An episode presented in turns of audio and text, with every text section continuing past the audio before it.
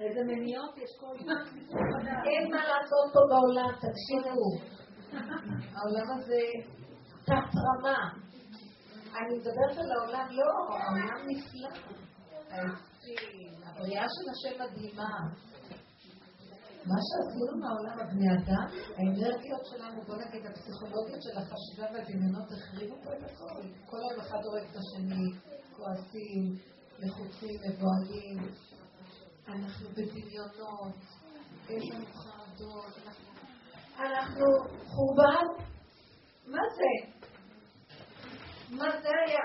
אני אומרת לו, ריבונו של עולם, זה המקסימום שהייתי יכול לעשות בעולם שלך, שככה זה ייראה? אז אני שומעת הד, חלל, כאילו השאלה שלי כמו במדבר, הד קול ואין עונה. אבל אני יודעת שזה לא קשור לקדוש ברוך הוא, אנחנו פשוט החרבנו את העולם. השם עשה את האדם ישר, והם אז ביקשו חשבונות רבים. כל היום אנחנו עם חשבונות רבים. רבות מחשבות בלב איש, חורשי מזימות, מתבלבלים, מדמיינים. אנחנו עלובים, סליחה, תנו לי קצת את הרגע הזאת. אנחנו עלובים, עלובים, עלובים. אנחנו אינטליגנציה עלובה. כדור הארץ בתת רמה. השם לא התכוון ככה. אני מסתכלת ואומרת, כל כך הרבה דורות, כמה שליחים השם שלח בעולם הזה במשך כל הדורות. נאורים, אנשים נאורים, אורות. מה זה עזר לנו? נשארנו דפוקים. אין תקנה.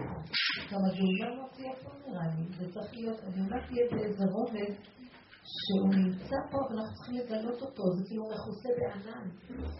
ואנחנו צריכים להיכנס שם, ורובד אחר מפה בכלל, זה לא רובד הפיזי הזה, אבל זה כן פיזי, זה פיזי דת, הדין.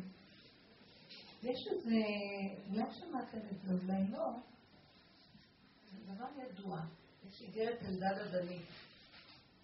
לא שמעתם?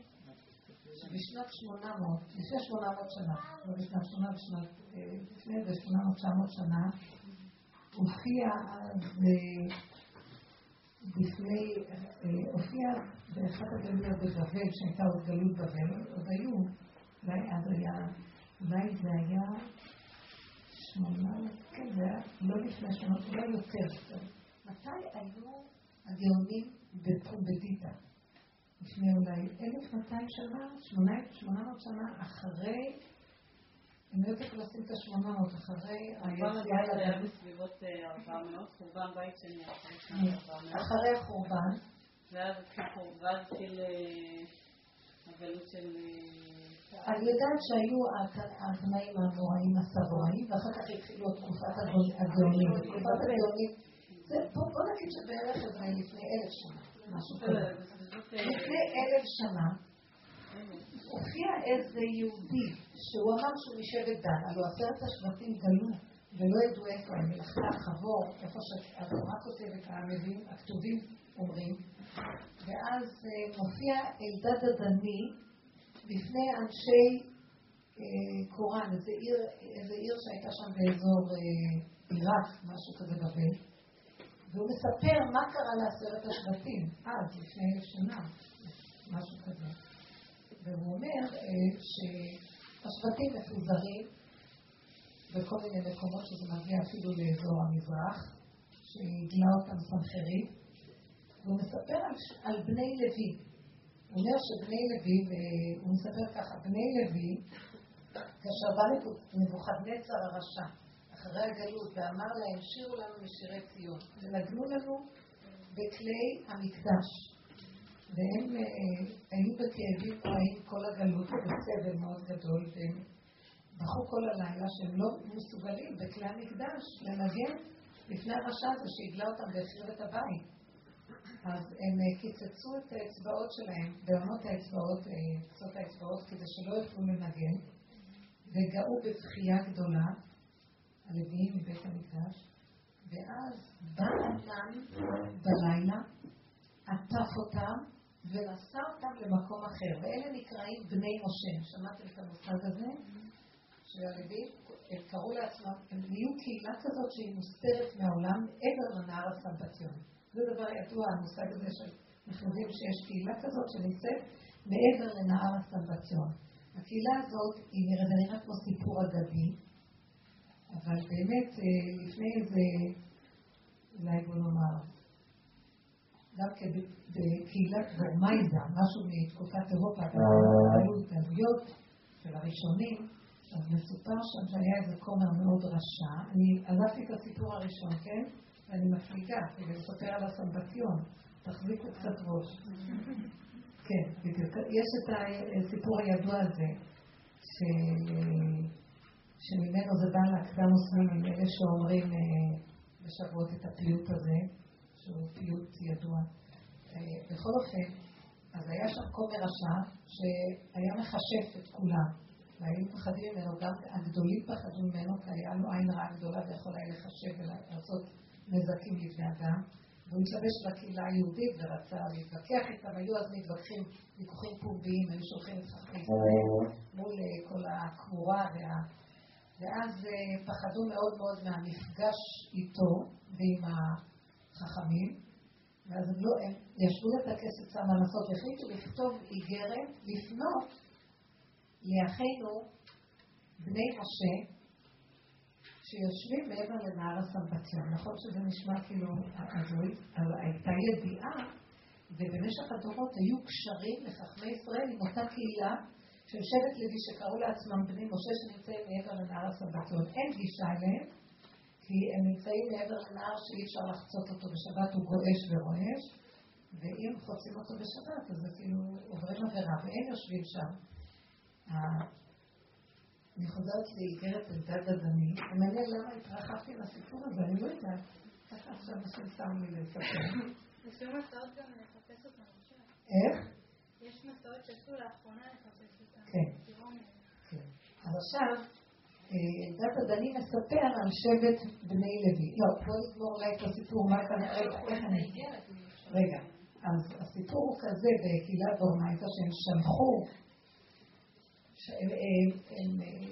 העצה הייתה לשלוח לקהילת בני משה, שליח, כדי שיקבלו עצה מהם מה לעשות, כי הם היו ידועים כקהילה מאוד צדיקה, סגורה בתוך עצמה, לא קשורה עם העולם, ושיש, הם, נוהגים מנהגים שהיו עוד בבית ראשון, יש להם סנהדרין, והם נוהגים ארבע מיטות בדין, ממש כמו שהיה בתקופת הבית. בית ראשון עוד אז היה. אז, אה, והם מאוד מאוד צדיקים. אז עכשיו, והסיפור השני שסיפרתי לכם, כתוב שהם שלחו שליח ציבור לשם, והוא חצה את הנהר בשבת, וידוע שאם חוצים את הנהר בשבת, אז הם יתפסו את זה שחוצה וישימו אותו מבחינה של אה, סקילה, כן? אחר כך אה, ישימו אותו בבית דין, יאסרו אותו, ישימו אותו בבית דין, ידונו אותו לסקילה, אחד מארבע מיטות בית דין. אבל מאחר וזה היה פיקוח נפש, קיבלו את המכתב, ואז שלחו למקומו איזה מקובל גדול, צדיק גדול משם, שעזר להם מאוד עם הסיפור הזה, והוא עשה איזה נס, וניצלו מאותו כומר רשע. זה הסיפור. אני רק רציתי לומר בזה שיש ידיעה שיש, אפילו בקהילות היותר מאוחרות, שזה נכון שיש כזה מציאות שנקראת בני משה. עכשיו, היהודי הזה, אלדד הדני, מספר, פתאום מופיע להם יהודי, אומר אני יהודי ואני שייך לשבט דן. והוא מספר להם על בני משה, והוא מספר בדיוק את אותו שהם אנשים מאוד צדיקים, ומה שקרה להם, שעטף אותם ענן, ולקח אותם והבדיל אותם ממציאות העולם, והם נמצאים בעולם, אבל הם עטופים בענן, והם בעצם נמצאים במקום שהם שמרו על צדקותם, על נקיות קיום התורה, והם לא התערבבו בשום אופן באומות בשום צורה. נוהגים במנהגים שיש להם בתי דינים, כמו שהיה בזמן בית המקדש, הם נוהגים, יש להם סנהדרין, בדיוק אותו סיפור.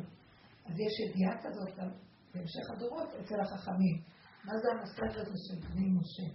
מה רציתי להגיד לכם? עכשיו, כשבא אותו אלדד הדני, אז, וסיפר להם את כל הסיפורים, והוא גם סיפר איפה נמצאים השבטים, ושהשבטים מסובבים אותם, ואין להם קשר, הם לא יכולים לחצות את הנהר בשבתות, הם ממש פשוט מנותקים מהעולם.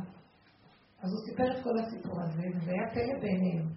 אז הם החליטו ללכת לצמח גאון שהיה אחד מגאוני בבל באותה תקופה, ולשאול אותו שכך אדם כזה הגיע, והוא אומר שכך וכך וכך. אז הוא אמר להם שזה דבר נכון, ושכן חכמים זכרונם אחת אמרו את זה בגמרא, סיפרו בגמרא, הלוא הגמרא אחר כך נכתבה בידי רב אשי, רבי יונה ורב רבינה, אז היה הרבה אחרי למה שקרה, בית חורבן, בית ראשון. אז בגמרא כתוב שבאמת היהדות הזאת גלתה, ובני משה בכו וחטפו את האצבעות, בני לוי היו, ובא ענן, אסף אותם בלילה, כתוב את זה בגמרא, ולקח אותם, זה נשמע כמו אגדה, אבל זה כתוב בגמרא, ולקח אותם למקום שהוא מעבר לארץ ובציון.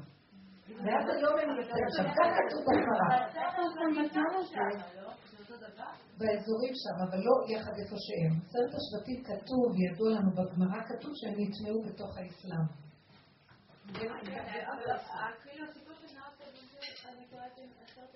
לא, הם לא, לא, רק בני משה ועבר אמר. רק בני משה נכנסו למהלך הזה. עכשיו, מה אני רציתי להגיד? שאנחנו נמצאים פה באזור, דקה, יש עוד דבר מאוד מאוד יפה, שאני פשוט, הגיע לידיי כתבים אה, מאנשים שכמו שאומרת, חקרו באזור של המזרח, והתארחתי אצלם גם. נתתי שם שיעור והתארחתי, ואז הוא הראה לי אה, כתבים שהבד"ץ ניהל, הבד"ץ היו שולחים שליחים מדי פעם כדי לבדוק את המצב של עשרת השבטים. הבד"ץ בתחילת המאה. אתם יודעים שבירושלים היה בד"ץ כבר לפני הרבה שנים, זה לא הרצאה של הדור הזה. זה היה אה, עליית תלמידי הגר"א. טוב, הם הכירו פה, קיצור, הרב זוננפלד בתחילת המאה, וכל בית דינו. אז הם שלחו, וגם הרב אה, שמואל סלטר, שהיה מסלם, שהיה הרבה הראשי של ירושלים, הם היו מקובלים גדולים, חוץ מזה שהיו תלמידי חכמים, והם שלחו שליחים, והוא הראה לי מכתבים שהתכתבו עם בני משה. הוא הראה לי מכתבים, העתקים של מכתבים שהוא קיבל מחכמי הבד"ץ, כי הם שלחו אותו אחר כך בשליחות לבדוק מה נעשה. יש כל הזמן, למה החכמים שלחו לבדוק מה נעשה במשך הדורות, או יותר נכון בדור, במאה האחרונה? כי יש ידיעה ברורה שאם יתגלו עשרת השבטים תבוא הגאולה. אז צריך קצת לזרז את העניין של הגאולה. אז בקיצור, יש כתבים שמתכתבים עם בני משה, והם אומרים להם, פשוט קראתי, הייתי נהנית, זה לא דברים, זה דברים שבית דינו של רבי אה, שמואל סלנט כותב. והוא כותב שם, הם כותבים על כל הצרות שקרו לנו בעם ישראל, זה היה עוד במלחמת העולם הראשונה, עוד לפני כל הגלויות, הסבל של עם ישראל. ואז המכתב שמקבלים מבני משה בחזרה, שהם נותנים לנו מוסר, ואומרים, אתם התערבבתם באומות, אתם לא שמרתם על הניקיון והטהרה היהודית, ולכן באה לכם כל הצרות האלה שאתם נמצאים בהן. ממש מכתבים מאוד מעניינים שנותנים מוסר מדוע אנחנו נמצאים בסבל הגדול הזה. היה להם איזה דרך לשלוח. ומעניין שהוא הביא שם את המילה פילטרה,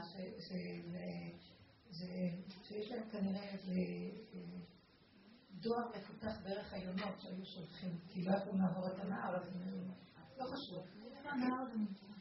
הנהר הוא בין לחלך וחבור נהר גוזן שכתוב בהרבה, וזה הגנגס חם, יש כאלה שאומרים שזה המקום הזה. לא בטוח עוד, והאמת שיש לנו לוויינים ולא הצליחו למצוא. יכול להיות כי זה עטוף בענן, אז לא רואים. אני לא, לא על זה התכוונתי לפתח, רק אמרתי את הסיפור הזה. ואחר כך נפסקה, אה, היו כל מיני ניסיונות להגיע אליהם, וזה לא הצליח כי תמיד היו סיפורים קשים, שהשליחים הלכו לאיבוד ולא הצליחו להגיע לידם. וגם בדורנו נפסק כאילו החיפוש, לא מצליחים להשיג את זה. וכשזה יצטרך זה יתגלה. אבל אני רציתי להגיד את ההיקש של הדבר. מה זה שעטף אותם ענן ולקח אותם? זה נשמע הזוי. זה נשמע אגדה. וכשהגמרא כותבת את זה, רבי צמח גאון אמר להם, נכון, זה כתוב בגמרא. שכך וכך קרה לבני משה. ואני מתעכבת על הדבר הזה ואומרת, מה פירוש הדבר הזה שבא ענן ואסף אותם ולקח אותם? הם נמצאים בעולם הזה, אבל הם לא בדיוק בעולם הזה. ואני, כל... אני נמצאת, זה נכנס לי הרבה למחשבה, קראתי את זה לפני הרבה שנים, וכל פעם אני חושבת, איפה המציאות הזאת שזה בעולם הזה, זה לא בעולם הזה. והדרך הזאת, עם ההתמדה של העבודה, מתחילה להביא אותי לאיזו הכרה שאני מבינה מה קורה פה. הגוף הופך להיות בעבודה הזאת, מה העבודה הזאת? לכם, העבודה שאנחנו מדברים עליה. זה כל הזמן ההתבוננות בפגם, ולא לתת לעצמי להתרחב. זה כל הזמן לקחת את כל היסודות שיש לי, כל הסיבות שהטבע מסובב לי דרך הילדים, הבעל, החברות, השכנות, העולם, ולקחת את זה, לאפק את התגובות ולהחזיר את זה לשורשו. היסוד של הדרך אומר כך, הקדוש ברוך הוא לא ברא לנו מידות טובות או רעות. אין כזה דבר באמת. הוא ברא מידות, הוא ברא תכונות, הוא ברא מציאות. מה זה רע ומה זה טוב? כשאנחנו מפזרים את זה החוצה זה נהיה רע. כשאנחנו לוקחים את זה פנימה ומחזירים את זה לבורא עולם, זה נקרא מידות. זה מדידה שבה אנחנו מודדים לו. זה כלי שאנחנו מודדים לו. כמו שאנחנו אומרים מידות זה מדים, מדים זה כלים, זה לבושים. זאת אומרת, באיזשהו מקום, בואו ניקח דוגמה חיה ונאמר, בן אדם, יש לו תכונה לגנוב. נכון שזו תכונה רעה? נכון? בן אדם יש לו תכונה לעשות חסד. נכון שזו תכונה טובה? בואו ניקח את התכונה. לגנוב. יכול להיות שיתפסו את הגנב הזה ויגיד להם, מה אתם רוצים ממני? השם ברא אותי גנב, מה אני יכולה לעשות? אז למה הוא ברא אותי שאני אוהב לגנוב? למה הוא נתן לי תכונה שאני נמשך לגניבה?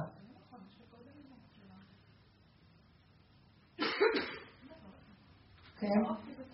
אז זאת אומרת, שיענו לו, לכל אדם יש בחירה. מה הבחירה שלו? בואו תדייקי. אם לגנוב או לא לגנוב. עכשיו אני רוצה לשאול אותך שאלה.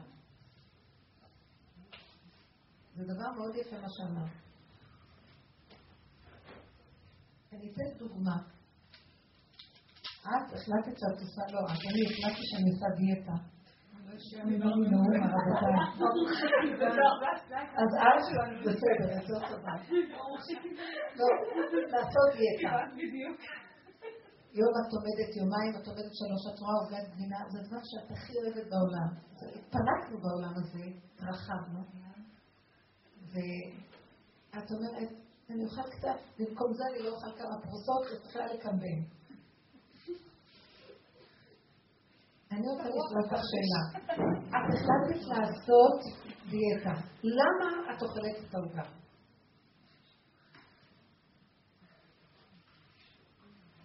עכשיו, על פי ספר את יכולה להגיד לי, אני לא עומדת בזה. אבל אם היה עכשיו יום כיפור, גם אם עכשיו הייתה עומדת בזה, אני עושה את זה גם אם זאת אומרת, בוא נגיד במילים אחרות, כשאני אוכלת את העוגה, אני מתפנקת.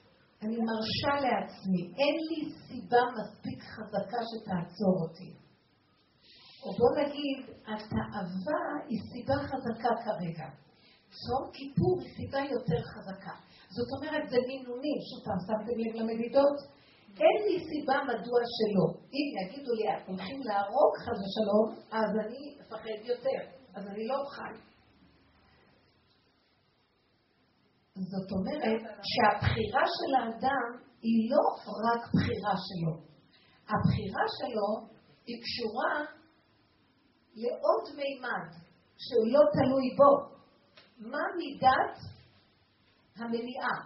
מה מידת הסיבה ששולחים לו? אינטרס. בסדר? אז עכשיו, אם יבוא ויגיד לו, הייתה לך בחירה, אז הוא יגיד להם, הייתה לי בחירה, אבל אתם גם נתתם לי כזאת תאווה שאני לא יכולתי לעמוד בה. אז תחלישו לי את התאווה, אז אני אוכל להתאפק. אבל כשכתוב בתורה לא תגנוב, זה לכל האנשים. אין בגלל, לאדם שיש לו תאווה לא תגנוב. הגדול. אלוהינו מלך העולם, אני רוצה לברך לפני שאני אתרגז. את שומעת? יעלה על הדעת שהשופט כל הארץ לא יעשה משפט? תשמעו, ככה התחשק לו יתברך, שכולם לא יגנבו. תקשיבי רגע. לך דבר אחד. תגידי לי, איך את מגדירה את עצמך? מושלמת? למה לא? אני רוצה לשאול למה לא.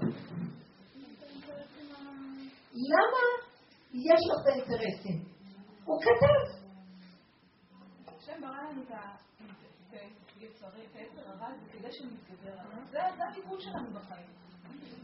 אז למה את לא מתגברת? אני שואלת, תעני לי.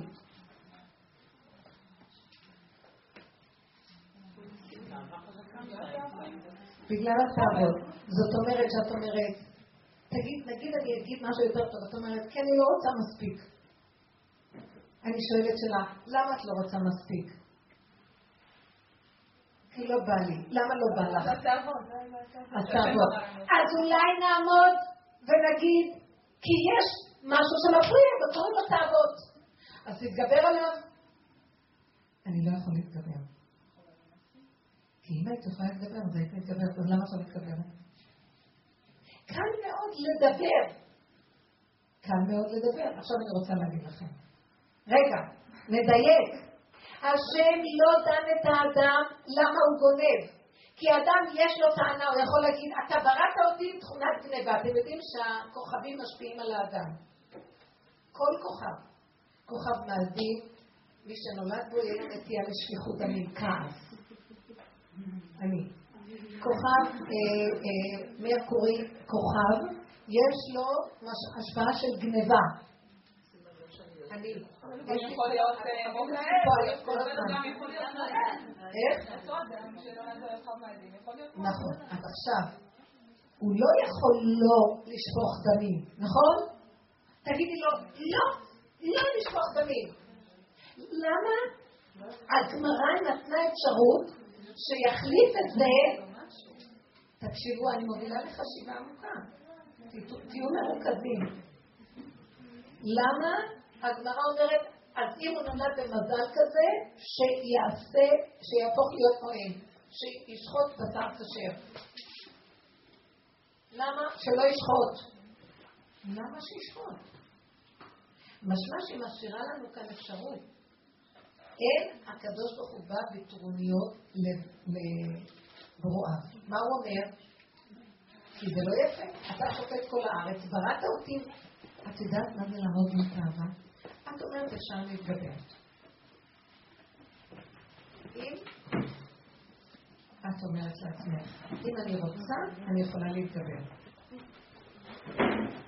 מה עשה יוסף הצדיק? כל יום הוא היה נכנס לבית פוטיפרה, והיה רואה את האישה הזאת, והיא הייתה מפתה אותו כל יום.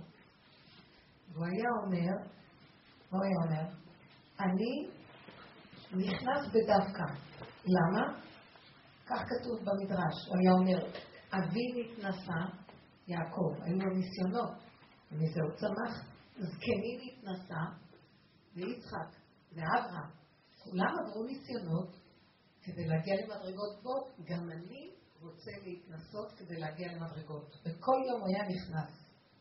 יום אחד הקדוש ברוך הוא אמר לו, חייך שאני מנסה אותך, ואתה חושב שאתה עומד בניסיון?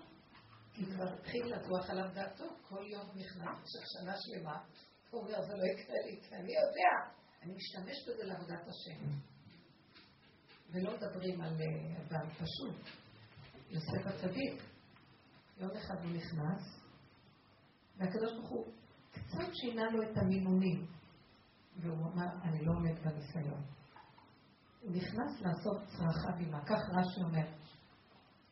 הוא החליט, לא שהוא החליט, הוא עמד, הוא עמד ואומר, היום כמו כל יום, פתאום הוא הרגיש שמשהו אצלו משתנה.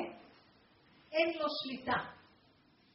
עכשיו, באותו רגע הוא הבין שהוא פטפט ביצרו, הוא מתגרה ביצרים שלו, והוא חושב שהוא יכול, והקדוש ברוך הוא הראה לו שאתה לא יכול שום דבר. מביא אותו למדרגה של הכנעה ושפלות והודאה באמת. והוא נקרא צדיק כי הוא הצדיק עליו שזה הקדוש ברוך הוא מחזיק אותו. נתגלתה לו דמות דיוקנו של אביו. חזרנו, השם יברך, בישהו השם. פתאום הוא קלט מה הוא רוצה להשיג את השם מתוך גדלות וגאווה. והשם אומר לו, לא, לא, לא, אף אחד לא מסיק לו אם אני לא מחזיק אותו. אבל יש בכל אופן כן משהו, וזה נחזור למה שאני אמרתי לכם פה. התחלתי לתת דיבור, מה זה מידה רעה ומה זה מידה טובה. אין כזה דבר מידה רעה. הקדוש ברוך הוא ברא את האדם עם מידות, ודרך המידות הקדוש ברוך הוא מקשר את עצמו אלינו. אנחנו מתקשרים להשם דרך המידות.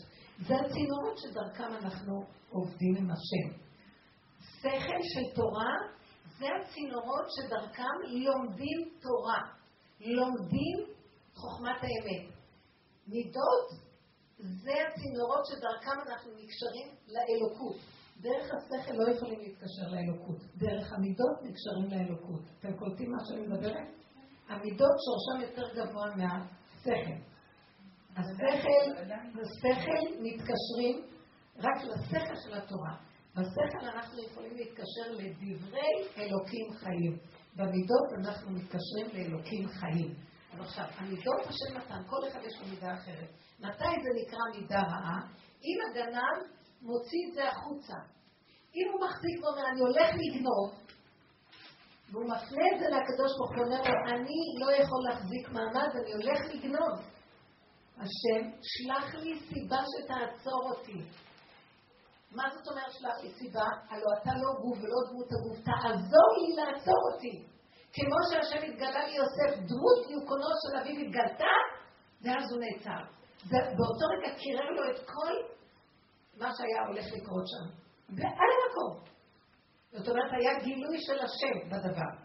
נמצא שהמידה הרעה נקראת רק אם אני כבר הוצאתי החוצה. התפרצתי, לא התאפקתי, זרקתי. מה זה, בוא ניקח מידה לעשות חסד. נכון שלעשות חסד זה נחשב מידה טובה? הבן אדם רץ, עושה חסד, נותן לכולם דברים טובים. הבן אדם הזה, כלפי שמיא, וקשה לדבר את זה, כלפי העולם הוא יותר טוב מאדם שגונב. כלפי שמיא, אין בינו לבין הגנה הבדל. למה? שתי מידות רעות. למה? כי ברגע שהוא רץ לעשות חסד, נכון שבהתחלה הוא חושב לעשות טובה למישהו אחר. כשהוא רץ לעשות חסד, לאט לאט הוא יהיה משפיע, מישהו אחר יהיה עני ויזדקק לו. הוא יוצר מצב של תלות. אני שנזקק ומשפיע שמשפיע. מבלי ניסים הופך להיות האלוהים של השני. כן? זה, זה, זה אפילו כתוב, שהם נקראים, הגדולים יותר נקראים, אתה תהיה לו לפה והוא יהיה לך לאלוקים, משהו כזה. הוא יהיה המשפיע הגדול שלך. האדם הזה גורם שהאיש הזה הקטן והמסכן נצרך לקטן ולא להשם. הוא היה אומר לו, תשמע, אני לא נותן שום דבר, אני יכול לעזור לך, אבל תדע שזה רק בורא עולם וגם אני לא עושה כאן שום חסד. אני רק צינור שדרכו השם מתגלה. אני, אל תרוץ אחריי, ואל תחשוב שאני נותן לך משהו. אם היינו מתנהגים ככה, נניח היו מחלקים סלים לשבתות, אתם יודעים, יש כזה דבר בקהילות שלנו. במקום שתבוא ותגידי תודה, תודה, ככה הסל, היה, זורק את הסל, בועט ואומר לו, אל תגידי לי תודה. אה, מישהו סיפר לי שהוא הלך אה, לאיזה צדיק לקבל ברכה, ואז הוא אומר לו, הצדיק ייתן לי ברכה. היה לו כוס של אה, חלב, הצדיק הזה, לקח את הכוס וזרק על האיש הזה. אמר לו, אני צדיק? שמעתם? הוא נבהל וברח. אז הוא אמר לו, ככה מגיע לך שאתה קורא לי צדיק, הוא רק אחריו. זה לא החלבן? לא, לא יודעת שזה היה חלבן. זאת אומרת, אני עכשיו נוגעת בנקודה מאוד עמוקה שממנה אני חוזרת ליסוד שלי. אין מידות רעות. הרוע זה שאנחנו מפזרים את זה בעולם. אנחנו צריכים לעטוף את עצמנו בענן. אתם לא מבינים מה אני מדברת עכשיו? תקשרו את הדברים. אנחנו מדי התרחבנו, פתחנו, הכל פרוץ. וכל אחד רק מחפש איך להיות יותר טוב בעיני השני. כולם פה גנבים. גנבים מושלמים. מקצועיים בגניבה. ולכן אנחנו כאובים ולא מתפתחים לשום מקום. התרבות הזאת היא תת רמה. כמו ילדים קטנים שמחפשים שכל אחד יגידו לנו, היי, זה גדול אתה. אפילו אנשים הכי גדולים, גברים חשובים, רבנים, פעמים למשל, כמו ילדים קטנים, רוצים כבוד. נכון שאפשר להגיד, זה כבוד, אני מחויבת לכבד אותם בגלל כבוד התורה שבהם, אבל הם לא אלה שירדפו אחרי הכבוד. זה נקרא בשבילי, לא שלהם. הנקודות התבלבלו פה ואנחנו בתת רמה. מה זה הכוונה לעטוף את עצמנו בענן? אותם בני לוי בחו עד צאת נשמתם, והם אמרו, אנחנו לא רוצים להיות פה. לא רוצים להיות פה, זה עולם מסוכן. אנחנו ננגן בכלי המקדש לנבוכדנצר הרשע במילים אחרות. הנשמה הקדושה הזאת שנמצאת פה, צלם אלוקים הולך ומתבזבז בכל מיני מקומות, בעולמות, כולנו, הלכנו לאיבוד פה. במריבות, בחיכוכים, בכעסים, במזימות, תככים, באינטרסים, קנוניות. אנחנו באנו לנגן עם כלי המקדש המידות הקדושות לפני נבוכדנצר הרשע. הם בכו עד זוב דם, הם פשוט הכירו באיזה סכנה הם חיים. תגידו לי, מה אתם חושבים, התחתנו בשביל שיהיה לנו זוגיות פה? זה תת רמה לחשוב ככה. זה תת רמה. התחתנו, כי יש להם ייחוד קודשא בריחו שכנתה. הזיווג של שני הכוחות האלה, זה רצונו יתברך בעולם הזה. שהקדוש ברוך הוא התאווה שתהיה לו דירה בתחתונים. הוא התאווה כדוגמת העליונים, הסדר של העליונים דבר והיפוכו, עזר כנגדו, זה, אבל זה כדי לעשות את רצונו יתברך. מה עשינו? זרקנו אותו ואנחנו חיים עם הרעיון הזה מדי טוב עם עצמנו. זה הפקרות נוראית. ואז באים עלינו כל הצרות שבעולם. זה בדיוק המכתבים שבני משה שלחו לקהילת הגלות האחרונה, גלות יהודה, הגלות האחרונה. מה זה? שכחתם איפה אתם נמצאים, שכחתם מה התכלית, כולנו, שכחנו איפה התכלית שלנו פה. נמצא שבעצם אין אין מידות הרעות אצל השם יתברך. כשהתורה אומרת לא תגנוב, לא תרצח, לא היא מתכוונת לומר, אל תוציאו החוצה את התכונות שקיימות בפנים. למה התכונות האלה קיימות בפנים? כי זה סיבה להיות קשורים בורא עולם. כי אם אני הייתי מונח פה כבר באיזה עולם שהכל מסודר ולא הייתי צריך להיות בעולם הזה. זה הקשר שלי לשם יתברך במידות, הסכנה שמא אני אדלוף החוצה. הוא שם אותי בעולם הזה שהוא מסוכן, במיצרים של הטבע, כדי שמתוך הטבע אני אזהה את הכוח של בורא עולם ואני אעביר אליו את הטבע. אני מחזיר לו את המידות שהתקלקלו, בחטא עץ הדעת וכל הרחבות של העולם, ואנחנו חוזרים ועולים אליו. אם אני חי בצלצול כל הזמן עם הכיוון אליו, הוא מתחיל לעטוף אותי בענן שאני לא שייכת לעולם. אז זה הגדר שכבר מתחיל לחול עליי תודעה חדשה. ואז תראו, הוא יקיים את הנישואים, הוא יקיים את הילדים, הוא יקיים לנו את החיים ואת הפרנסות.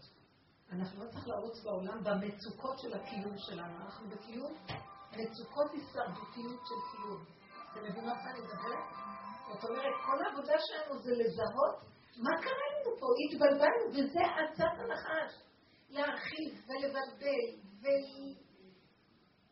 ל... שהבני אדם יהיו נתקלים איש באחיו ויהיה מלחמות. זה חורבן מה שקורה בכל העולם. תגידו, אנחנו לא, אתם לא עייפות? לא יודעת, אולי יש לכם עוד קצת אלרגיה. לריב. רק לא לריב. אתם לא מבינים רק לא לריב. תעמדו, מישהו אומר לכם משהו. תמשכו את הלשון, תכנסו פנימה, תעלו את זה להשב ותגידו, אבא, אני הולך לשחוט את השני עכשיו, תרחם עליי, תעזור לי. כל המציאות שלי, אני הגעתי לעולם רק בשביל רגע אחד להתאפק ולהעלות את זה לך בחזרה. האיש הזה, שמדבר אליי עכשיו, זה רק סיבה, הוא לא מציאות בפני עצמו. זהו. אני מחזיר את האנרגיה השורשית מהשם, הופך אותי בענן. עוד פעם, עוד פעם, עוד פעם, יגידו לי מילה הכי פוגעת, לא ידבר. מתחיל להיות איזה מעטה מורם. לזה אני מתכוונת מציאות בתוך העולם הזה, שהיא לא העולם הזה. אנחנו בגוף, אבל כבר ולאט לאט גם הגוף הופך להיות במדרגה אחרת. פחות נזקק העולם. מה הכוונה? פחות רוצה לאכול, פחות רוצה לדבר אנשים, פחות להתרחב, פחות הוא שייך, הוא בעולם. אבל הוא לא בעולם, הבנתם? זה, אדם כזה מתחיל לזכות לקבל תודעה חדשה, אור חדש על ציון העיר. אבל זה מפחיד השינוי הזה, הרבנית. זאת אומרת, רואים את השינוי הזה וזה מפחיד. פתאום אני, אני מרגישה את זה על עצמי. הייתי מגיעה לאיזה מקום, את אומרת, מי נמצא, ועם מי אפשר לדבר, ופתאום אני במקום אחר לגמרי. מה מפחיד? באמת, יש בזה. השינוי, השינוי, כאילו, אז מה, לא מעניין אותך, כבר, את לא רוצה להיות במקומות האלה, או... השינוי שאת עוברת... אז את יכולה, אני יודעת, את צריכה לומר משהו, כמו שאומרים, כדי להכניס אותי ממצרים לארץ ישראל, אתה מעביר אותי במדבר. אבל אל תשכח אותי במדבר, תכניס אותי לארץ ישראל. זה בדיוק המצב של הפרשיות עכשיו. זאת אומרת, אי אפשר מיד לתת לך את התודעות החדשות. צריך להתאמן על לרוקן את כל הלכלוכים. אנחנו פשוט חיים בתת רמה. כל דבר מגיבים. אימא רואה את הילדים כל הזמן מגיבה. החרדות של הקיום והפרנסה. רק את מקבלת את החשבונות, את כבר מפחדת. אנחנו, אם נסתכל על עצמנו, אנחנו רדופי חרדה. אנחנו צריכים לעמוד ולומר לו, ריבונו של עולם, האם באתי לעולם כדי לדאוג כל הזמן רק איך להתקיים פה? אני לא רציתי בכלל לבוא לעולם. בעל כורחי, הבאת אותי, בעל כורחך שתפרנס אותי. איזה מין דבר זה? אבל מה אני אעשה שקיפחתי את פרנסתי? זאת אומרת, אתה מוכן לקיים אותי, אבל אני התרחבתי, ואני עכשיו רוצה ברמה, לא סתם, כמו שהדמיונות של הכי פרועים, שהתרבות שלנו מחנכת אותנו, ככה אני רוצה להתפרנס. אז השם אומר לי, אבל זו תרבות לא טובה. אז הוא נותן לי קצת, אז אני בוכה, למה יש לי קצת? הוא אומר לי, זה הכי טוב בשבילך, כי אם היה לך הרבה, אז את היית מתקלקלת. אז תחי עם הקצת טוב, תשמחי. אנחנו מכינים את עצמנו לקראת תודעה חדשה. אתם לא רואים את הגל שקורה עכשיו בעולם? צמצום הכסף, תראו, יש שפע מדהים בעולם, והפרוטה זה מצויה בכיס. זה מצחיק. למה אתה צריך לעשות כל כך הרבה? ארץ של שפע. כי היא נמכרה בידי רעים. כי אנשים רעים לוקחים את הכסף, וכל השאר צריכים לחיות מה... אבל מפרקים את זה עכשיו. כן, הריכוזיות, יש משהו במדיניות הנוספית היום, שמפרקים את הריכוזיות, מדברים על זה המון. כן, אבל מצד אחד סגרו על העם. אם יש ארבע מיליון דולר שחסר במדינה הזאת ההזויה, כאילו יש מדינה, כן, כאילו יש רעיון של מדינה, אז האזרח הפשוט צריך להחזיר את החוב. לא מספיק שגם ככה הוא בקושי חי, עליו נופל הנטל של החיים. בכלל לא שוויון בנטל.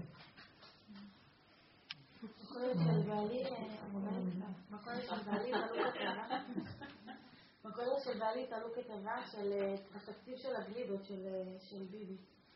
ואני חזר בערב, אמר לי, תנחשי כמה, עשר אלף, ארבעים אלף, מאתיים אלף שקל תקציב של גלידות. זה. זה התקשורת כתבה, מי אומר שזה לא מה? את מישהו ספר את זה? מישהו ראה? מה אכפת לי? מה אכפת לי כמה הוא אוכל גלידה? מה שהוא אוכל גלידה. זהו, על זה. לא, לא, אבל זה לא נכון כל הדברים האלה. זה נכון דבר אחד, אני בעולם לבד. מה אני עושה עם החיים שלי? זה סתם הזוי שיש כאן מדינה ויש סדר. זה רק דמיון, זה שכל כללי מדי. זה רעיון, אנחנו חיים רעיון, יש מדינה. אין מדינה, יש הפרט, והפרט חי, והוא הכי אמיתי. והפרט הזה יוצר מצב של עוד פרט ועוד פרט ועוד פרט. קחו את זה לרעיון ועשו מדינה ועשו סדרים וכללים, זה נדמה, אין כאן שום דבר. בנות, תדאגו רק לעצמכם, תעבדו רק על היחידה. כי אין כאן כלום, זה הכל דמיון. אבל תעבדו על היחידה, לצמצם אותה, לכנס אותה, ולהיות שייך למקום של החיות. תעטפו את עצמכם באיזה ענן, כי העולם הזה מסוכן, העולם הזה הזוי, הוא שקרן, זה דמיונות. זה נדמה לך יש חברה, אין חברה. את לא מבינה, את יוצרת בדמיון שלך מצב שיש חברה. זה מושג, המילה חברה זה מושג. את יכולה למדוד את המושג הזה? את לא מה שהכי נכון זה מה קשור החברה אליי, מה קשור העולם אליי, הכל בסביבות בשבילי לעבוד את השם. זה התכלית של האדם. תראו מה קרה לנו, שכחנו את היחידה. ואנחנו כל, כל הזמן עם המוח בחוץ, יש חברה, יש חברה, יש קהילה, יש אנשים, יש עניינים, יש זה, זה הכל חיצוני. אנחנו מתפרצים החוצה. יש בעל, יש ילדים, אין בעל. אני רואה שאתם נהנות מזה. אין ילדים. אין ילדים. אין ילדים. יש, הם סיבה, הם סיבה להיות מחובר להשם. הוא ינהל לנו את הילדים. אבל הוא סיבה להיות מחובר להשם, השם יסדר זוגיות. הוא מחבר ומקשר איש ואישה זכו שכינה ביניהם. זה עולם הפוך. השכל שלנו מסתכל החוצה והוא מפרש את הכל הפוך על הפוך. ופתאום נהיה מדינה ונהיה עיתונים ונהיה כותרות ונהיה מצבים, ואז כולם דנים במצבים, ואז יש פולמוסים, ואז יש ויכוחים פומביים, ויש מדיניות, ויש פוליטיקה, והכל זמן, זה חמת, אין כלום. אין כלום, יש רק הפרט שצריך לחיות. אז הפרט העלוב הזה, שהוא הכי אמיתי, שזה אני, צריך לשרת את המוח במושגים שלו, מדינה. אני צריכה לשרת את המדינה. מישהו יכול להסביר לי מה זה מדינה? אני להגיד לכם מה זה אני, שאני צריכה לאכול, לישון, לגדל את אני צריכה לחיות. מה זה מדינה? שהפרט ישרת את המדינה. ברגע שאנחנו אנחנו כאילו דילגנו מהנקודה שלנו והלכנו להחיות את המושגים, אז בטח המושג ישדוד אותנו. המדינה שודדת אותנו. קודם כל היא לא קיימת, זה נחש מאוזן. זה דמיון שנקרא מדינה. המדינה הזאת ישבה והתחילה לסדר צבא ועניינים ומושכת את הבני אדם, אנשים מתים, חיים, לא חשוב. מה זאת אומרת? למי יש כאן רשות בכלל לסדר משהו? תדעו לכם, הכל כאן הזוי. תתחילו לחיות בפרט. אתם לא צריכות לדאוג למדינה ולכלל. עוד פרט ועוד פרט ועוד פרט ועוד פרט שחי נכון, מאליו נוצרת חברה. בעדר של הכבשים, כבש חי יסודו. ועוד כבש חיים יסודו, ועוד כבש חיים יסודו, נהיה עדר. האם הכבשים דואגים שיהיה עדר? אני רוצה לשאול. לא. זה דבר שנעשה מאליו, ויש מי שמנהיג אותם. תראו באיזה שקרים נכנסנו, ועל זה אני אומרת, תעצבו את היחידה. קצת תתחילו להתבדל מהעולם. אתם לא מבינים שאנחנו הולכים לטעויות, ואז אנחנו שבורים. כאילו יש לנו במוח מדינה, מיסים, מלחמות, אין בכלל מלחמות, אין כלום. את יכולה להתהלך בתוך השואה, אנשים יתהלכו. בתוך הגבולות, בתוך הנשמע, ואף אחד לא היה שם. אומרת אין מלחמות? יש אנשים, נשים שהילדים שלהם מתו במלחמות. הבעלים שלהם מתו במלחמות. את רואה, את עושה אחד ועוד אחד. לא, אני שואלת. עכשיו את משקיפה. זה נורא גבוה מה שאת אה, דורשת. זה נורא גבוה. את חיה גבוה. לא, אני לא חיה גבוה, אבל זה נשמע כמו איזה תוכנית על, זה נשמע כמו מדע בדיוני. חברה של רובוטים.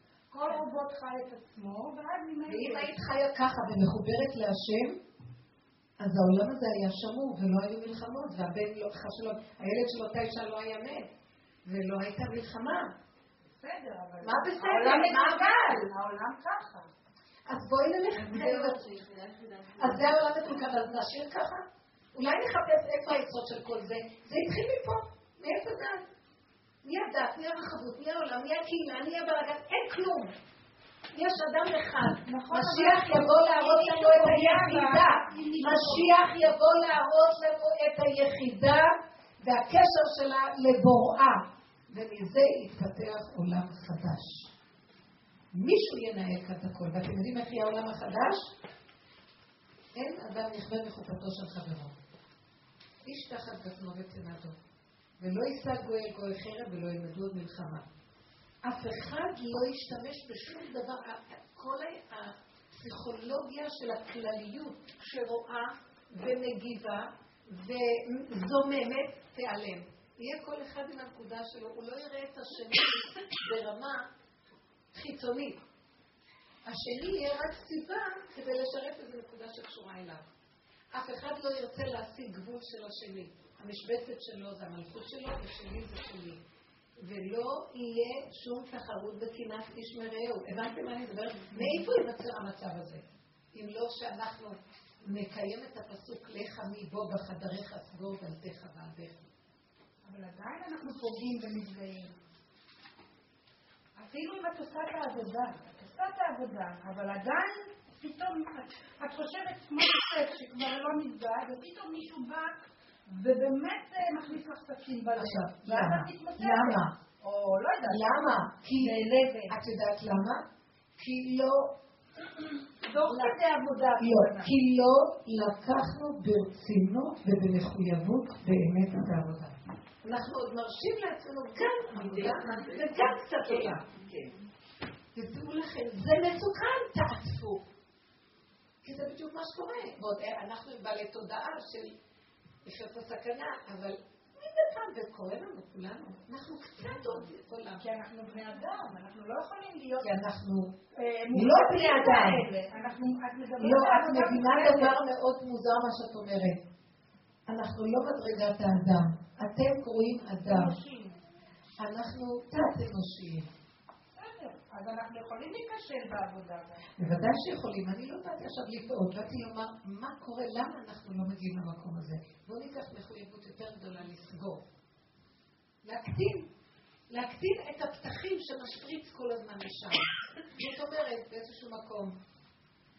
אה, נורא מצחיק, יש לי איזה מישהי. ש- היא הולכת, אמרתי לכם הרבה עם אותו אה, קבצן, אה, קבצן, באמת, יש משהו מאוד מיוחד אצלו. הוא סגור, נעול. הוא הופיע תקופה עם- ביחד, כאילו מקבצים ועושים משלוחים לכל מיני משפחות שנזקקות, ואז מקבלים את הכסף, לא, לא חשוב, ממישהו. אז הוא, הוא בא אליה הביתה. אז בעלה, בפעם הראשונה שהוא בא, אומר לה, מי זה? פתאום הוא בא ואומר לה, נו, את באה כבר?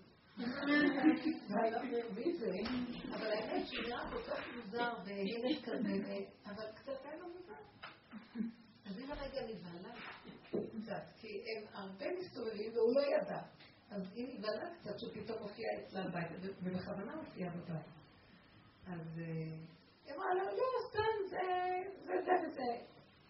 הוא פשוט, אנחנו לוקחים את הירקות ביחד שאני לוקחת, הוא עוזר לי לסחוב. ולאט לאט פתאום מסתכל עליו, וההלך הזה נכנס, והסתכל עליו. והוא מסתכל עליו, הוא מסתכל עליו. אחרי רגע הוא בא אליה ואומר לה, את יודעת? הוא באמת שום דבר. מה? הוא סתם שום דבר, הוא לא, אין לו בכלל לא כלום. הוא הקריא לו את הכלום שלו, לגמרי, והוא קלה. אז הוא נרגע. מעכשיו ואילך הוא אומר לה, הוא מחכה לך. אה, נגיד שקוראים לה, שרה, אה, נגיד שקוראים לו אה, מוישה. מוישה מחכה לך בפינה, הוא אמר- הוא אמר לי, ראיתי אותו עכשיו, שראיתי, הוא אמר שהוא מחכה לך, אז לכי כבר. לאט לאט נוצר מצב שהיא מסתובבת איתו והוא שומר את הילדים בבית. הוא לא מרוקאי הבעל הזה, נכון?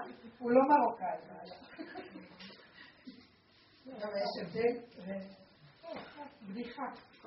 לא, זה לא קשור, זה קשור למשהו שנהיה, אז היא אומרת לי, היא אומרת לי שהיא באה בשעה היא באה הביתה אז הוא אומר- לה, תראי, קורה משהו מוזר, בעלה אומר לה. אני פה עם הילדים, ואת מסתובבת איתו, כל לילה. אני מסתכלת עליו, לו, כן, אנחנו סוחבים, מביאים, ואז אני מצליחה קצת כסף להביא לבית. ואז הוא אומר לה, נכון, אבל הוא אומר אבל את יודעת, זה נהיה מוזר, משהו כאן מוזר, והוא כל הזמן אומר מוזר. והיא סיפרה לי את זה ואמרתי לה, את מבינה ששוחטים את הדמיון של הטבע. באמת, האיש הזה שמסתובב איתה, הוא ברמה אחרת, הוא לא בגדר של טבע, של זכר, בוא נגיד. מסתובב איתה כמו שני ילדים קטנים מסתובבים, ממש כמו שני ילדים קטנים.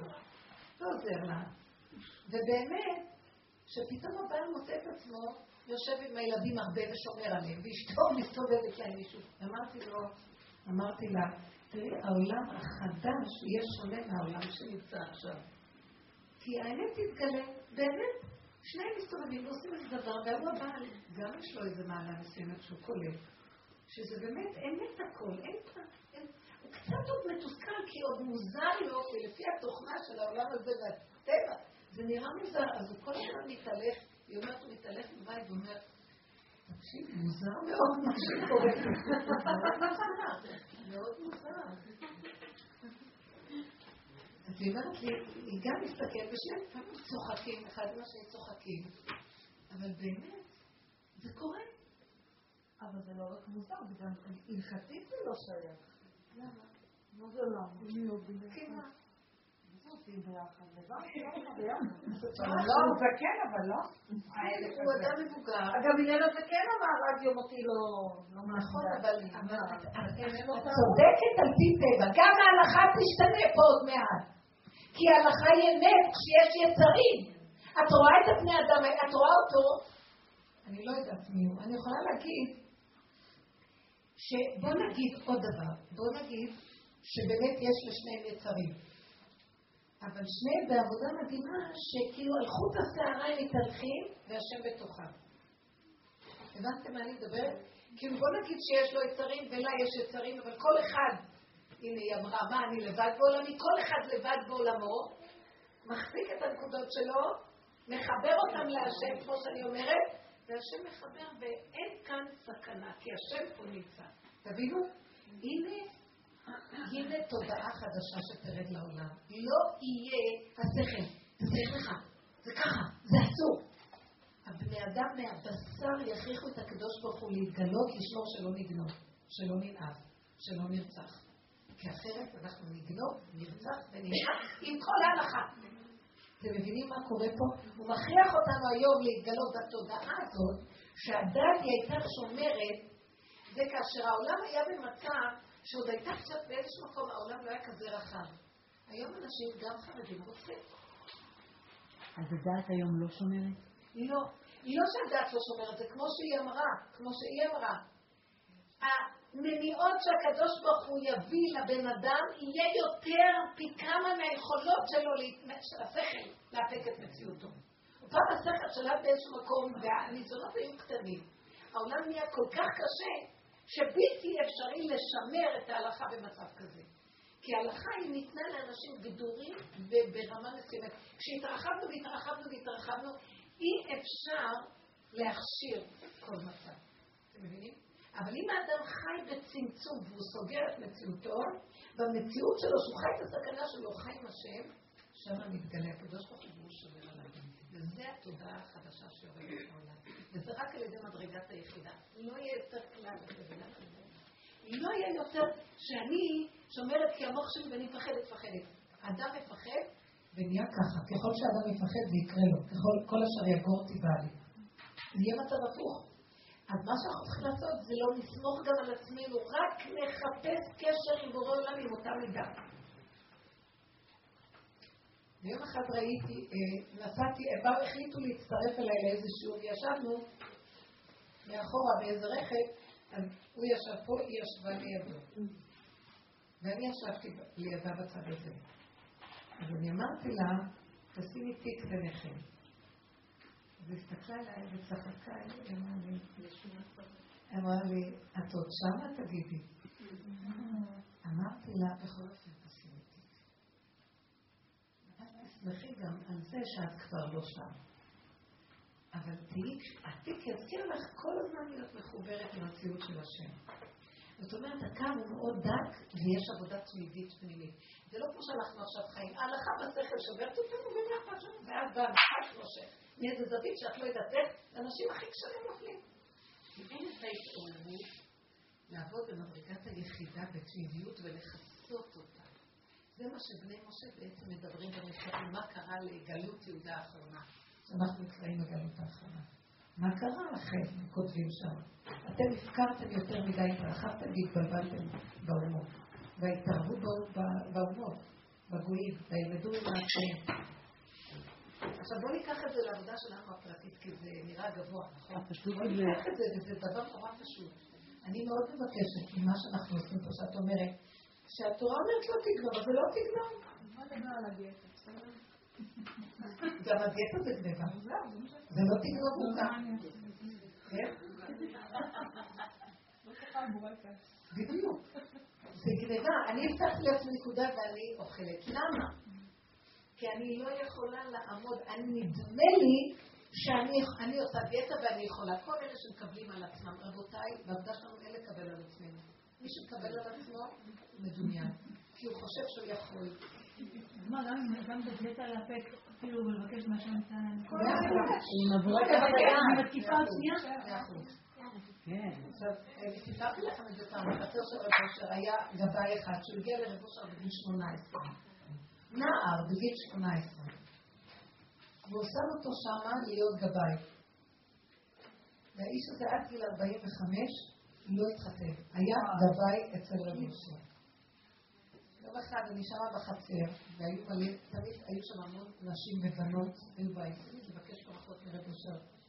היו גם הרבה גברים, אבל הגברים היו להם תמיד בערב, והבנות היו באות ביום, לא היה להם לעשות. אז יום אחד אני עומדת שם, מלא נשים ובנות בחצר, היו באות בנות, נחמדות.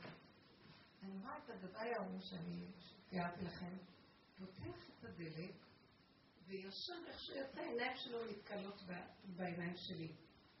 הוא ישר ניגש אליי, ואז הוא אומר לי ככה, תקשיבי, הוא מכיר אותי. אני, את יודעת שאני הרבה שנים אצל רב ראשן, ואת יודעת שאני עוד לא התחתנתי. אני הייתי בפנים, לפני שפתחתי את הדלת, אמרתי ככה, ריבונו של עולם, כמה תשאיר אותי עוד במצב הזה כשאני לבד? מה אתה חושב? שאין לי יצרים? ואתה חושב שאני יכול להמשיך לעמוד במצב הזה?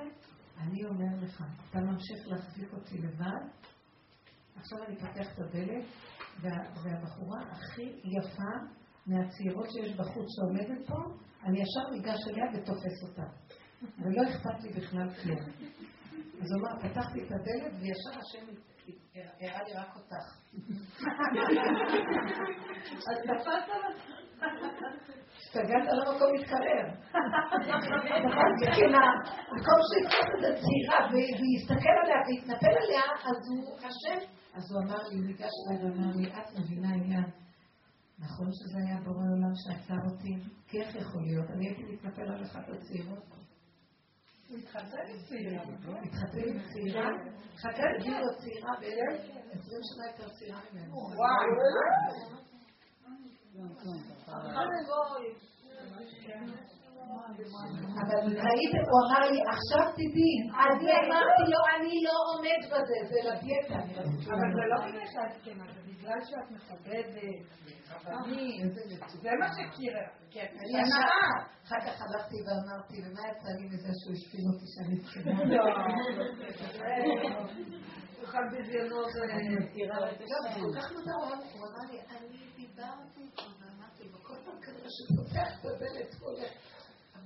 באותו רגע החום עלה לי לראש, אמרתי, אני לא יכול לפתוח את הדלת ולראות כל יום את הבנות האלה, ואני עומד בפנים ככה, ואין כלום. אני הולך, את רואה את יד השם פה? אז תגידי לפני שאת פותחת את המקרר, העובדה הראשונה שאני רואה קוראים לה פספוס. יפה, הבנת מה אני אומרת? אני לא, אנחנו נעשה דיאטה, אני מקבלת על עצמי כל יום להגיד 40 יום, אני 80 יום הולכת לכותל. אני יודעת, באמת, זה השקר הכי גדול שיכול להיות. אני לא עומדת בשום דבר. רגע, הסתרת פניך הייתי נבהל. התודעה החדשה יוחדת בפגם במידה. היא לא רעה, אבל אליך. אם אתה לא מחזיק אותי, אני לא בעולם. אני ישר נופל. ומה קורה לבני אדם? כולם הולכים, אנחנו צדיקים, אנחנו יפים, אנחנו זה, ועל המקום שהם פותחים את הדלת נופלים, בגלל שהם לא חיים את של מציאות. את תגידי, ביני לבין הדיאטה יש 500 שנה. איך אני יכולה לעשות דיאטה? לא יכולה. יש לי מצוקות חיים, יש לי אכזבות, כל הנפש שלנו שבורה. אז ריבונו שלנו, אני לא יכולה לשמור את זה, אבל רק אתה יכול להחזיק אותי.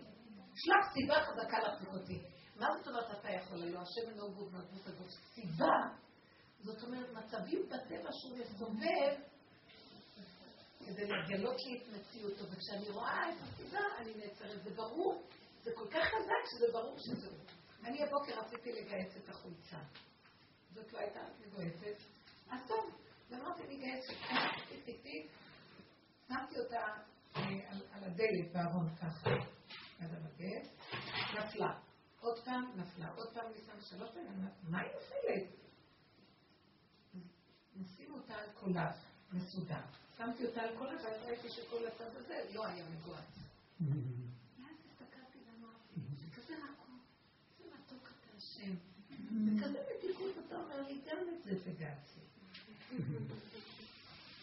סיבות קטנות, עדינות, יפות של החיים. ככה זה הכניסה לארץ ישראל, זה הבחינה של ארץ ישראל. אנחנו יוצאים עכשיו מהנהגת המדבר, עוד מעט נכנסים לארץ ישראל, מרגישים שיש משהו באוויר, ממש, מרגישים חזק חזק שהולכת להשתנות איזה הנהגה. הבלבול נורא גדול, הסערה גדולה, יש לי לקחת, זה לא פשוט. עכשיו, מהי הנהגה של המדבר, מהי הנהגה של ארץ ישראל? מהי הנהגה של מצרים? שלוש מדרגות. הנהגה של מצרים זה תוהו ובוהו, זה שקר של העולם. אתם רואים איך העולם נראה? שערה, לא קחו את הטבע בחוץ, אם כבר אפשר לקחת מושג ולדבר עליו. כל התקשורת, הילדים, בתי הספר היום, הפייסבוקים, כל התוכנות האלה, הבילויים, הכלולים, כל הדבר הזה, אנשים בסערה נוראית של... מה זה המדבר? אתה הוציא אותנו ונתן לנו דעת. אנחנו חיים בדעת תורה. דעת תורה. קיבלנו תורה, לנו דעת. הדעת מנהלת אותנו. אז מה זה הדעת מנהלת אותנו? זה כן וזה לא. כתוב לא תגנוב, אז אני חייבת להתאמץ לא לגנוב, אני חייבת לעשות וזה הלכה. זה ככה. המוח כל הזמן צריך להיות ערני, כל הזמן ערני, עובד, כדי לסדר את מציאותו. שמא הוא ייפול. זאת אומרת, יש אני לאדם, הוא כל הזמן צריך להתגבר. זה מה שאת אומרת. יפה, את אמרת דבר שידוע לכולנו בתרבות החרדית שלנו בכלל, תרבות תורנית. המרגלים היו אמורים ללכת לרגל את ארץ ישראל, לבדוק מה נעשה שם. והם לא עשו את זה על עצמם. השם אמר משה, שלח לך אנשים ויתורו את הארץ. הם נכנסים לארץ ישראל, ויש להם מורך בלבבם. הם נבהלים על ימין ועל שמאל. נראה להם שהנהגה בארץ קשה ביותר.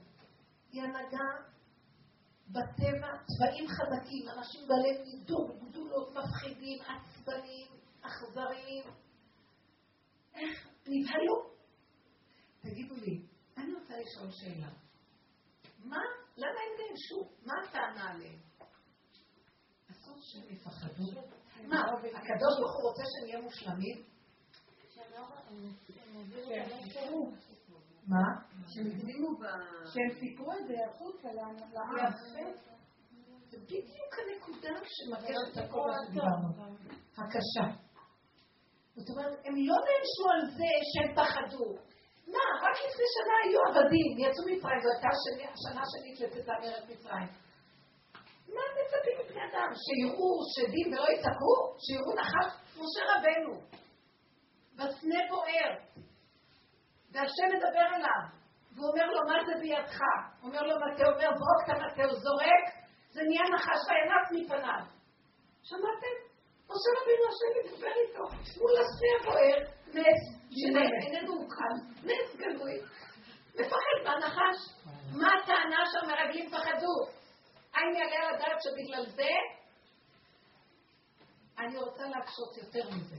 רש"י כותב שאותם רשעים ראו, למה נסמכה הפרשה? ראו ממרים אה, שדיברה במשה ולא לקחו מוסר וחטאו.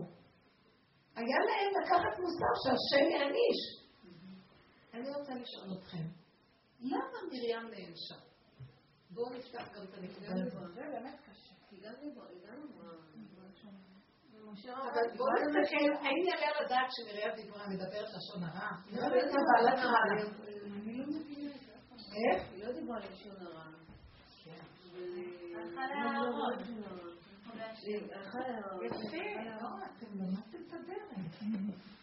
מה היא אומרת? ותראו שיש טענה מאוד יפה במה שהיא אומרת. תקשיבו, היא אומרת ככה.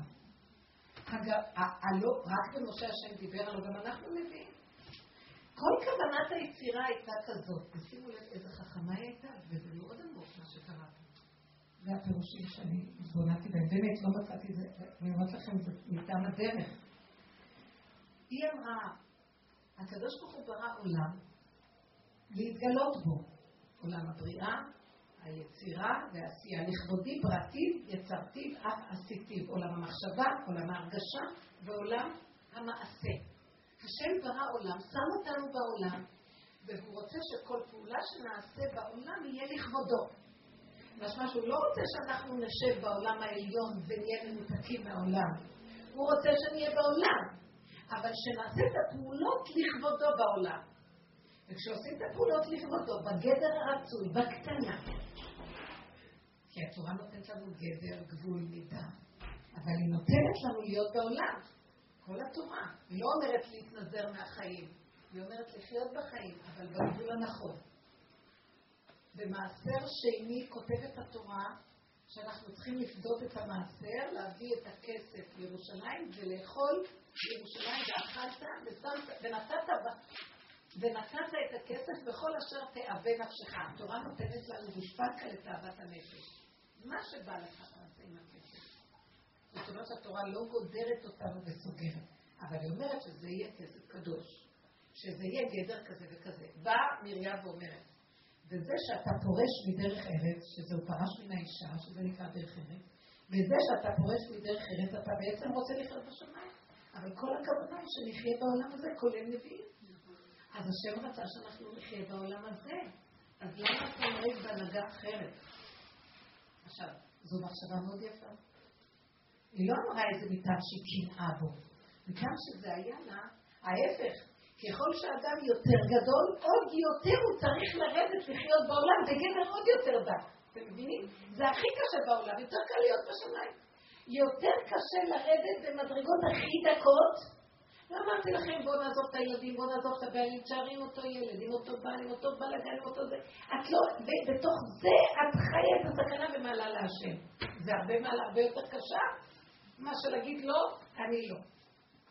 זו הייתה מחשבה מאוד יפה וגבוהה, אבל הטענה, אבל החטא שלה היה, למה היא לא לקחה את הדבר הזה, שהשם נתן לה את המחשבה הזו, והיא לא החזירה את זה להשם, ומבקשת ממנו, לי תשובה.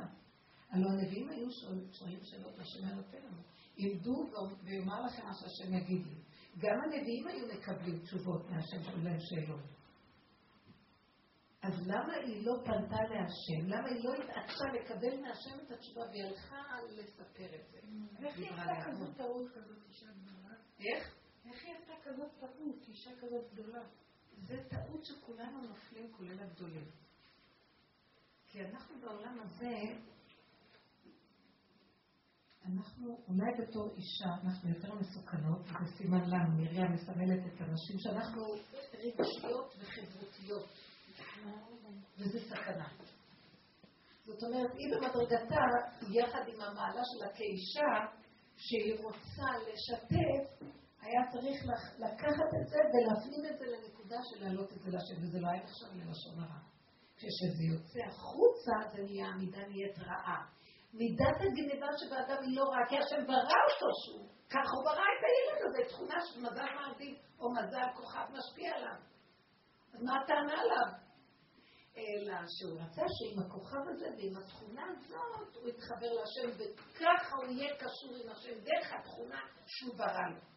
אני לא אהיה מה שאת ואת לא תהיי מה שאת וכל אחד הוא שונה מהשני אבל כולנו שווים בזה שאנחנו מקשרים את התכונות להשם ובזה אנחנו ואמר כולם צדיקים.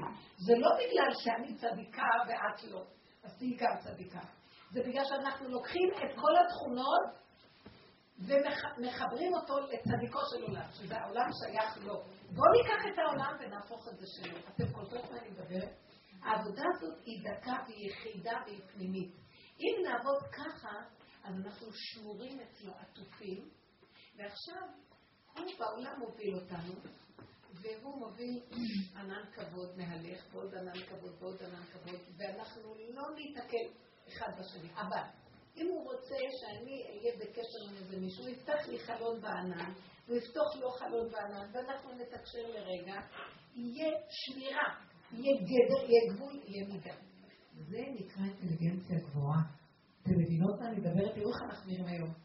מופקרים, נשפכים על חוצות, נמרחים על האבנים ועל העצים ועל הצריפים. כל מוצאי ירדני, כל בכפים יתן במיוחד. ככה אנחנו נראים. וקוראים לזה בעלי חסד, בעלי נתינה. אין כאן הרי יותר גדולים שהם בעלי חסד. והם כל היום רצים לעשות חסד לעולם, והעולם כל היום רצים אחריהם לפשוט יד. סיפרתי לכם על אותו עסקן ירושלמי, שכל הזמן דופקים על הפתחים שלו, שיעזור להם לחתן את הילדים, וצריך כסף, לעזור לאנשים. יום אחד בכלל ואמר, תשמעו רבותיי, לפני שאישה נכנסת למקווה, שהיא תיתן לי 75 אלף דולר. אני אעמוד בשער ואני רוצה לגבות 75 אלף דולר. מדברים על זה עסקנים מהשערים, כן? כולם קמו, והיו המונים מהדיבור שלו. הוא אומר, מה? אז הוא אומר, כן, צריך כסף כדי לחתן את הילדים האלה, ואם אין להם, אז מה זה הדבר הזה? שהולכים למקווה, במילים אחרות, שמתם לב מה הוא אמר? אתם מדברים על אדם צבי. שמעתם? זה נשמע נורא, לא? כולם אמרו לו, כולם קמו עליו, מה הייתה הטענה שלהם? אתה מנהל את העולם, ואתה זה שמחליט אם יהיה ילדים או לא, ואתה מסדר את החיים? אז הוא אמר להם, לא אמרתי, אבל אם אתם הולכים למקווה ויש לכם אמונה, גם כשצריכים לחתן אל תבואו אליי ולכו לאמונה. ענה להם יפה. שמעתם מה הוא למה יש לכם אמונה חצי דרך? בחצי השני אתם באים אליי, אז לכו, אז הוא רצה לעורר אותם, למה אתם לא צועקים להשם, אתם באים אליי. לכו להשם, אתם רוצים לחיים שלי. זה אדם אמיתי. יעזור לאנשים, אבל כאילו עשו אותו אליל. יש מוישה זוכנר, הוא זה שנותן לך אליו, זה הולך אליו, שולחים אליו, כולם אליו, הדלתות שלו לא נסגרות, אין יום ואין לילה. אתם נורמלים? ואיפה השם? אז הנקודה היא להתעורר ולהמיר. זה גם יאיר אפילו מה הוא אומר? הוא לא אומר שנבין שאנחנו לא מתקיימים בזכות באמת כל הדברים שבאים בטבע. הוא לא אומר את זה, הוא אומר, אנחנו צריכים להבין את זה. מזמן כבר, אני אמרתי בשיעורים, תגידי שאני אמרתי. לא הייתי. כולם תדברו מה שאני אומרת, ואף אחד לא אומר שזה אני. אבל לא, היא לא אבל השם אומר לי, תחזרי. אני לא חצי שלא פעם שאני מרימה את הראש ואומרת, למה הם לא אומרים שזה אני? עושה לי, אה, בהרדמה זה טוב. טוב, חוזרת, סתם אני צוחקת. אתם צריכים להבין עכשיו את הדבר הזה. הוא היה שליח לעבוד פשוט. יושבים שם עסקנים ועסקנים יסדרו לנו את החיים. והשם אומר לנו, מי יסדר לכם את החיים? אין בכלל חיים על מנת שיסדרו אותם בכלל. יש נשימה ויש הרגע. צמצום גדול אליי, כל רגע. תראו את החיים אחרת. פתאום החיים נראים אחרת. אין מושג כזה חיים, מדינה. זה מילה. מה זה חיים? אם תוכיחי לי שיש חיים, אני אסדר לך. אבל זה נשמע ממש, כאילו, אני נחשפתי פה. ביום שבת שהיה, היה לי יום הולדת. תודה רבה. פעם ראשונה שחגגתי בתאריך העברי, ובדיוק הייתה בשבת. אמרתי, איך אני חוגגת בשבת? אני הולכת להזמין אנשים בבית הכנסת. שיוצאים ספר תורה כל טוב. הזמנתי אנשים ממורשת, שזה שני קילומטר הליכה. דתיים. אז הם הלכו באמת, ביום שישי הם באו, והם עשו חצי דרך, שמו שתייה ומצות. איפה את גרה? בקורנית. כן, כי הם הראו. כן, שמו שתייה הדרך. ביום שישי הם עשו את זה. באו אולי שמו את בית כנסת את הסידורים וכל מה שהם צריכים וזה. ובאו, ופתאום היו איזה 40 איש בבית כנסת. עכשיו, זה בית כנסת שלא עובד בשבת. שלא אין... סידרו את זה ככה. עכשיו, זה היה אמוני ועשיתי ככה אוכל ועניינים וסעודה וזה. ופתאום נבהלתי מזה שכל הזמן אמרו לי, אה, זה, ומזל טוב לך וזה. אז כל הזמן אמרתי, לא, בשביל להוציא את הספר תורה, בשביל להוציא את הספר תורה, כאילו, פתאום נבהלתי ככה מהמקום הזה. רגע, זה לא, כן, לא נתבלבל. ועשינו משהו כאילו בשביל... סוף סוף להוציא את הספר שיש בהיכל, מסכן הספר הזה, בלי מזל. לא, מצוות הוא יוצא. בבר מצוות הוא יוצא. אבל זה באמת היה כזה נורא, הייתה עבירה ממש טובה. ובערב הבת שלי נורא קשה לי, שככה החלטתי לחגוג את היום הולדת. עוד פעם, זה כאילו להעביר את זה לשם ולהגיד לו, כאילו, מה, מה להגיד עכשיו? זה כל כך ביאס אותי, כאילו, מהמקום הזה שבאמת הייתי שמחה לזה. וניסיתי לחשוב למה נגיד היא כעסה, ורציתי לחשוב מה גורם העולם רוצה להגיד. בעצם, בזה שהוא שולח אותה להגיד לי משהו. מה רוצה להגיד לך?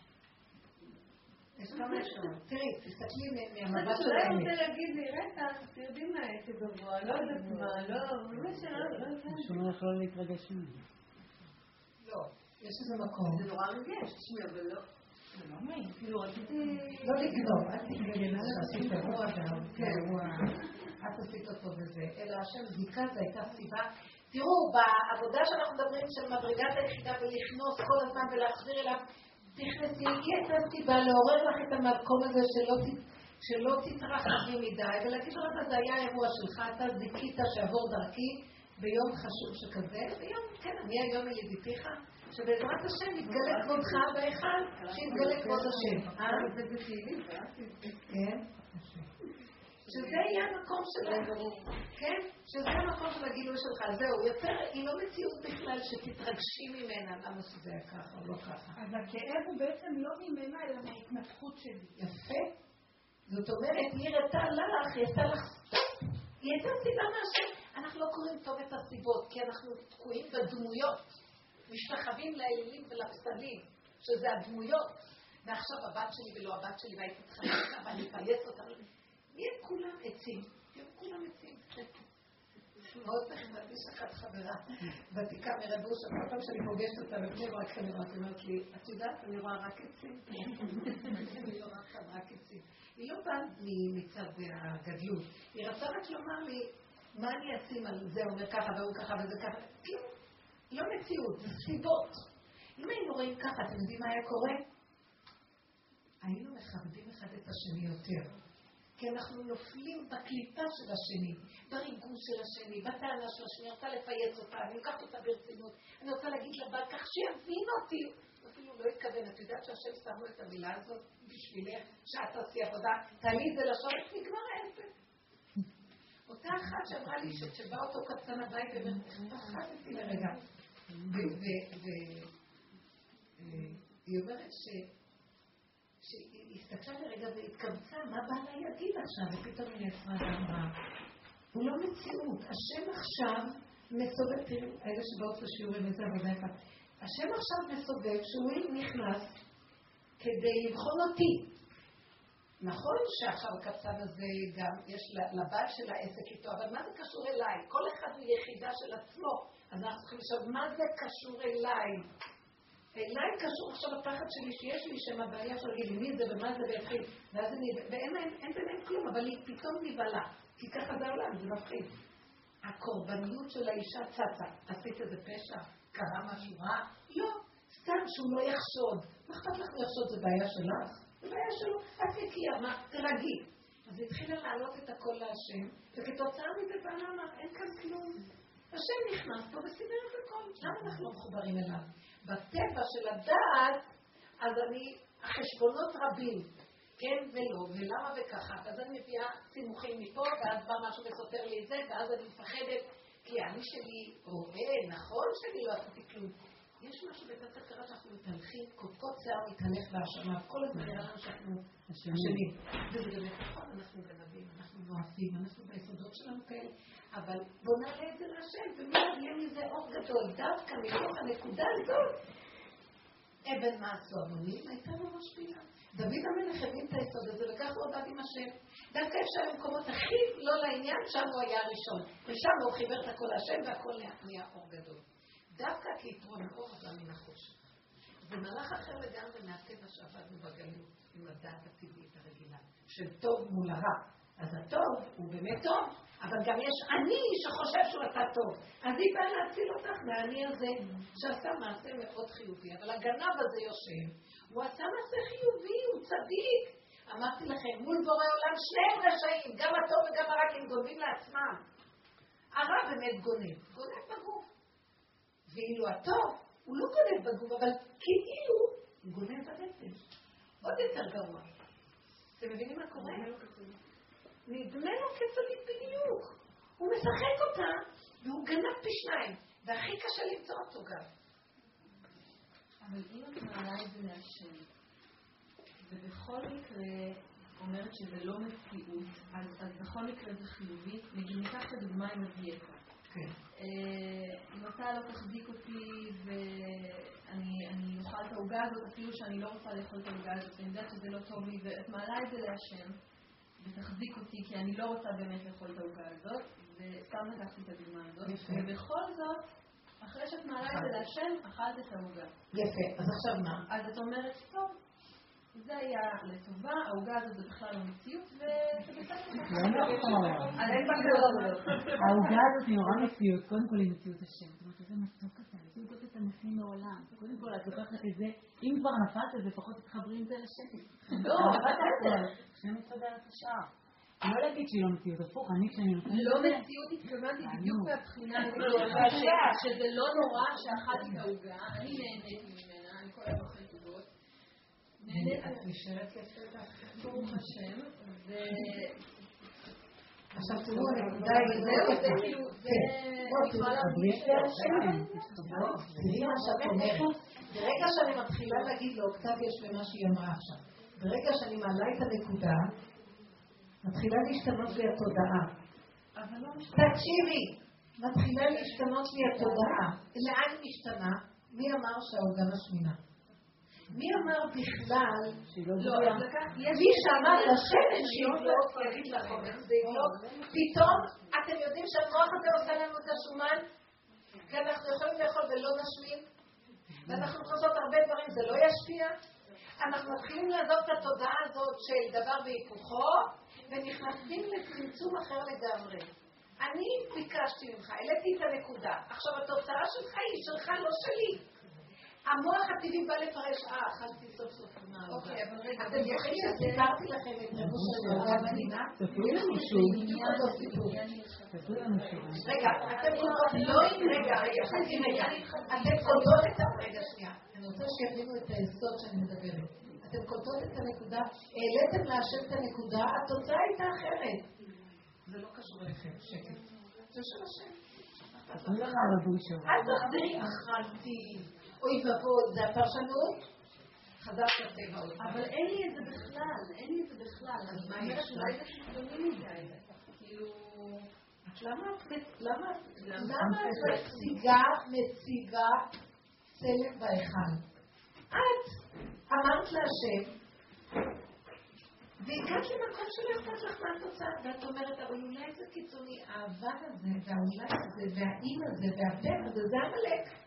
סוף סוף עשית דבר נכון, ואת באה להקשות עליו? תלכי עם זה. זה מה שאני מתכוונת, התודעה החדשה, היא לא חושבת אחורה. היא לא מטילה ספק בתוצאה. תוצאה נקודה, זה לא קשור אליי, שלום. שלום. ברגע שאתה ככה בפעמיים שלוש, נגמר ההשפעה של הדבר הזה עלייך. הפרשנות של ההשפעה נעלמת. תני לי עכשיו איזה משהו שאמר דוגמה של להלכה. לא, אני לא רוצה להגיד את זה. טוב.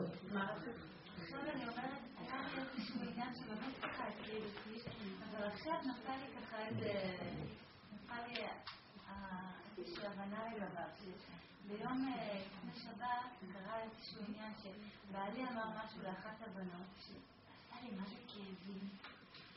ו- אבל לא, לא הגבתי, וככה דיברתי עם השם, וממש אמרתי לו, לא רוצה לזכור את זה בכלל, לא- לא רוצה לזכור בכלל שזה קרה.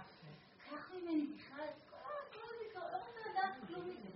ולא הצליח, כל פעם שהייתי רואה את הפרשנות שלו היה חוזר אליי עוד פעם, הכל. וגם, ראיתי גם ש- שגם... שגם על זה אני בעצם צריכה לצעוק להשם שאני גם, גם על זה אני לא יכולה להתעקש הרבה, כי גם שם חלשה. אל תיתן לי, קח את זה מהר, כי גם על זה אני לא אצליח להתעקש הרבה, בסוף אני אצטרף. ובאמת זה קרה ככה שבשבת, באיזשהו שלב בסוף ככה, יצא לי, לא לקח ממני בסופו של דבר, זה פרקים, אבל לא, זה כל הזמן חזר אליי. ואז אה, יצא מצב שבאמת ככה, הוצאתי את כל מה שהיה לי ככה, התפרצתי. וגם מול היה איזה ויכוח כזה, אבל הוויכוח הזה היה נורא קצר, וצ'יק צ'אק התחלנו לצחוק ונהיה כאילו, מה זה חברים? עכשיו ההבנה הזאת נפלה לי, למה זה קרה? אולי בגלל העבודה הזאת שכן התעקשתי כמה זמן קודם, כי יכלנו גם אחרי זה לא לדבר אה, שבוע. נכון. יפה. ראית? זה בדיוק מה שהתכוונתי, התוצאה לא שייכת לך. באותו רגע לא, לא הגעת לתוצאה שחשבת שאת רוצה להגיע, אבל יפה. אחר כך היא באה בצורות אחרות. אל תפרשו אחרי. מבינות מה אני מתכוונת? כן, תלכו, אנחנו עובדים מהטבע למצב של היחידה, מהריבוי, מהכן והלא. כל החטא של האדם זה ימין ושמאל, שילך רק אנכית, רק אליו. הטבע זה המקום הזה, האור, אז זה נקרא אופקית הוריזונטלית. אנחנו הולכים אליו, מעלים אליו את המציאות, והוא יורד, יש לו צינור איפה לרדת. זה הנהגה של ארץ ישראל. הוא רוצה כלים. כלים, הוא ינהיג. ארץ ישראל היא קטנות, לא להתרחב, הכל קטן. ארץ קטנה, נהגות קטנות, עולם קטן, הבן אדם קטן, הכל קטן. אבל עיני השם בא תמיד, עיני השם לוקח בא תמיד, מראשית בלי א', מראשית שנה ועד אחרית שנה, ראשית מלשון רש, תעשה את עצמך דן ורש, קטן, ותמסור את הכל להשם. הנהגות לא שייכות לך פה, התוצאות לא שלך, ותראה שהוא יברך אותך בכל דבר. תלכו בקטנה אליו. כמה שאפשר פחות להגיב מיד, לכן כל ההתהפכות, הלימוד להתאפק, לצמצם, זה א' בכלל של מדרגת האדם. אנחנו לא במדרגת אדם כשזה גירוי תגובה. גירוי תגובה זה מדרגת החיות. והכלבים של אה, פבלוב, זוכרים את זה שלמדנו? שעלה להם הריר, הם ראו את הנורות דולקות ועלה להם הריר מהקיבה. לא היו זה רק ככה הם אכלו. זה רק תגובה בטבע. אם אנחנו מאבקים אותה, נגמר הטבע, מתגלה בורא הטבע זה עץ הדעת. וכדי שיתגלה האור האלוקי שיסתתר אחרי אכילת עץ הדעת, חייבים לתת איזה איפוק. אין לנו ברירה. האיפוק הזה זה הפנמת צמצום מאפשר לגלות את האור של השם. ואם אנחנו מגיבים ומתרחבים, זה הולך לאיבוד. לכן תבינו, העולם הוא רק סיבות לקרוא את המפה, לחזור לצמצום, התוצאות, העולם כולו שלו. הוא ינהיג אותנו, יבוא אותנו על כפיים. ענני הכבוד יעטוף אותנו. אף אחד לא יוכל להזיק לנו. לא יהיה כאן אחד שיעז לפגוע בנו. אין אחד שבו ייקח בחור ישיבה מהישיבות ויקח אותו לצבא. לא יהיה כזה מצב. אבל אנחנו לא מלמדים את הילדים ואת העולם לחיות בנקודה הנכונה. אז אנחנו הולכים בטבע.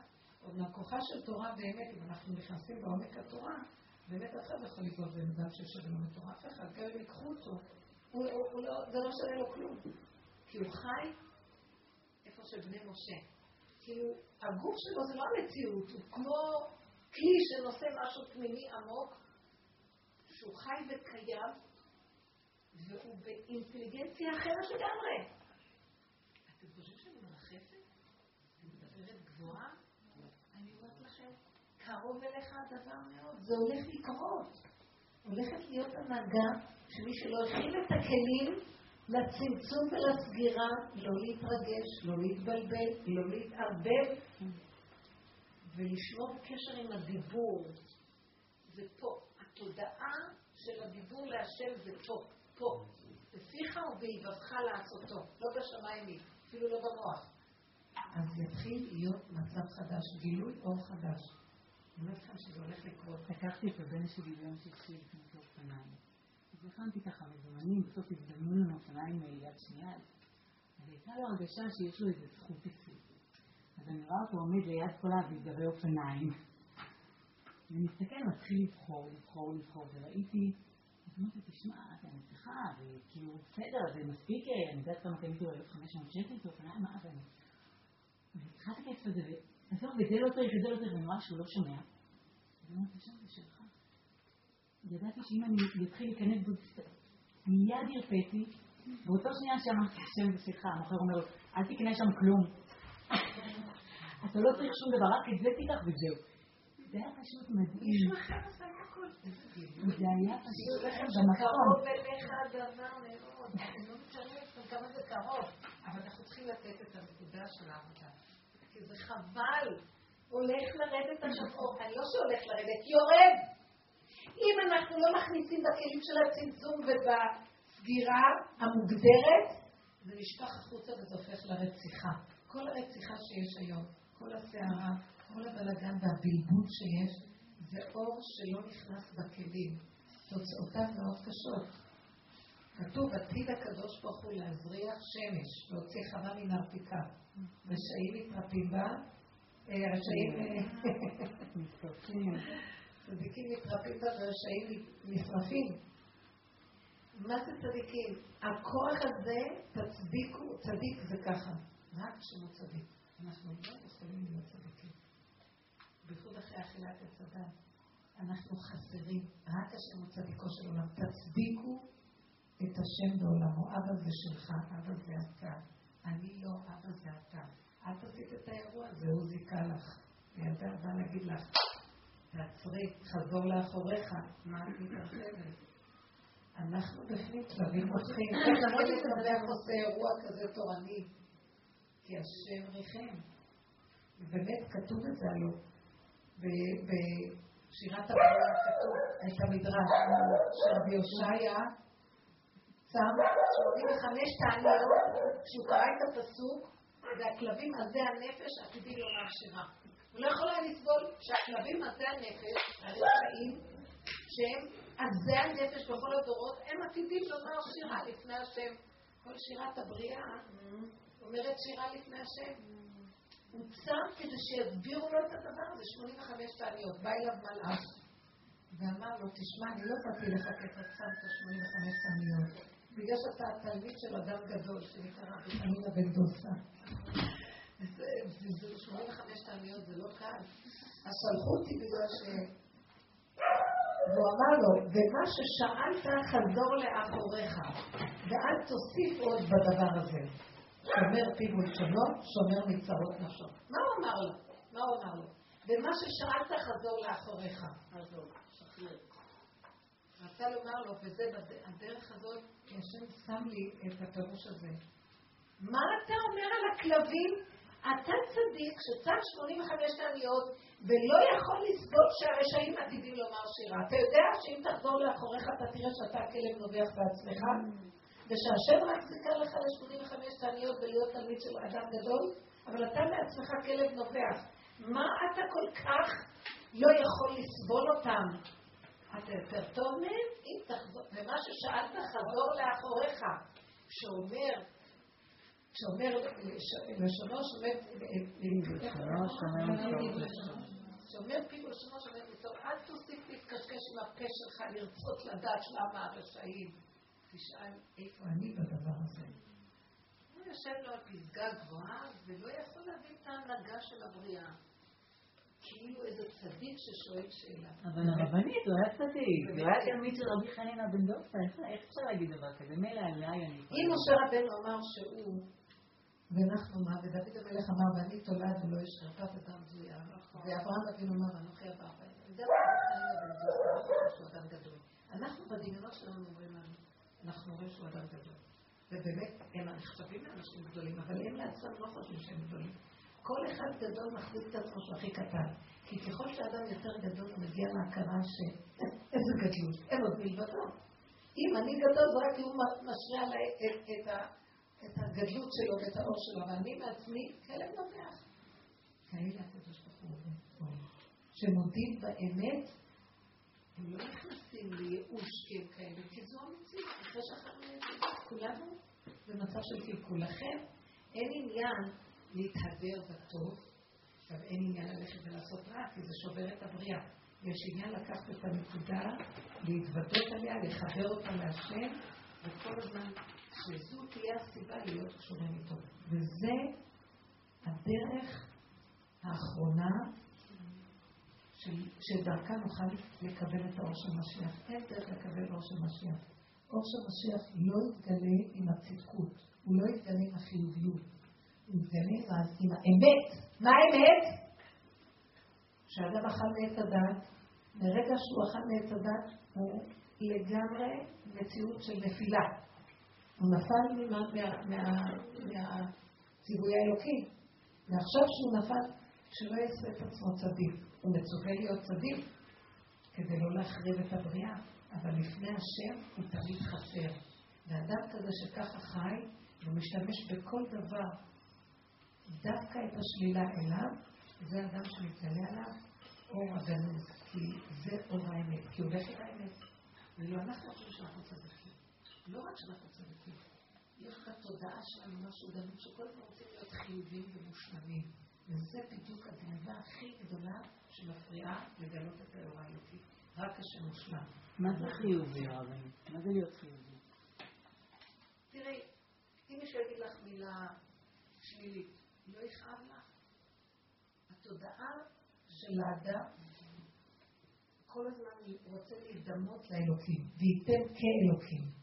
את מבינה? וכאשר בעצם הוא הבריאה הכי שפלה, אם הוא נפגע אומרים לו יתוש קדם אותך. אז נמצא שהרצון להידמות לאלוקים הוא בעצם הקלקול הכי גדול. אנחנו צריכים לעשות? לדעת את האמת, אנחנו הכי חסרים, ולמסור את זה להשם.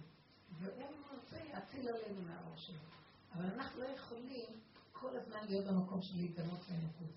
זה מה שהצד החיובי של, של הגלות, כל הזמן אנחנו אומרים, מהו רחום, אתה רחום, מהו חנון, אתה חנון. אבל זה לא נכון.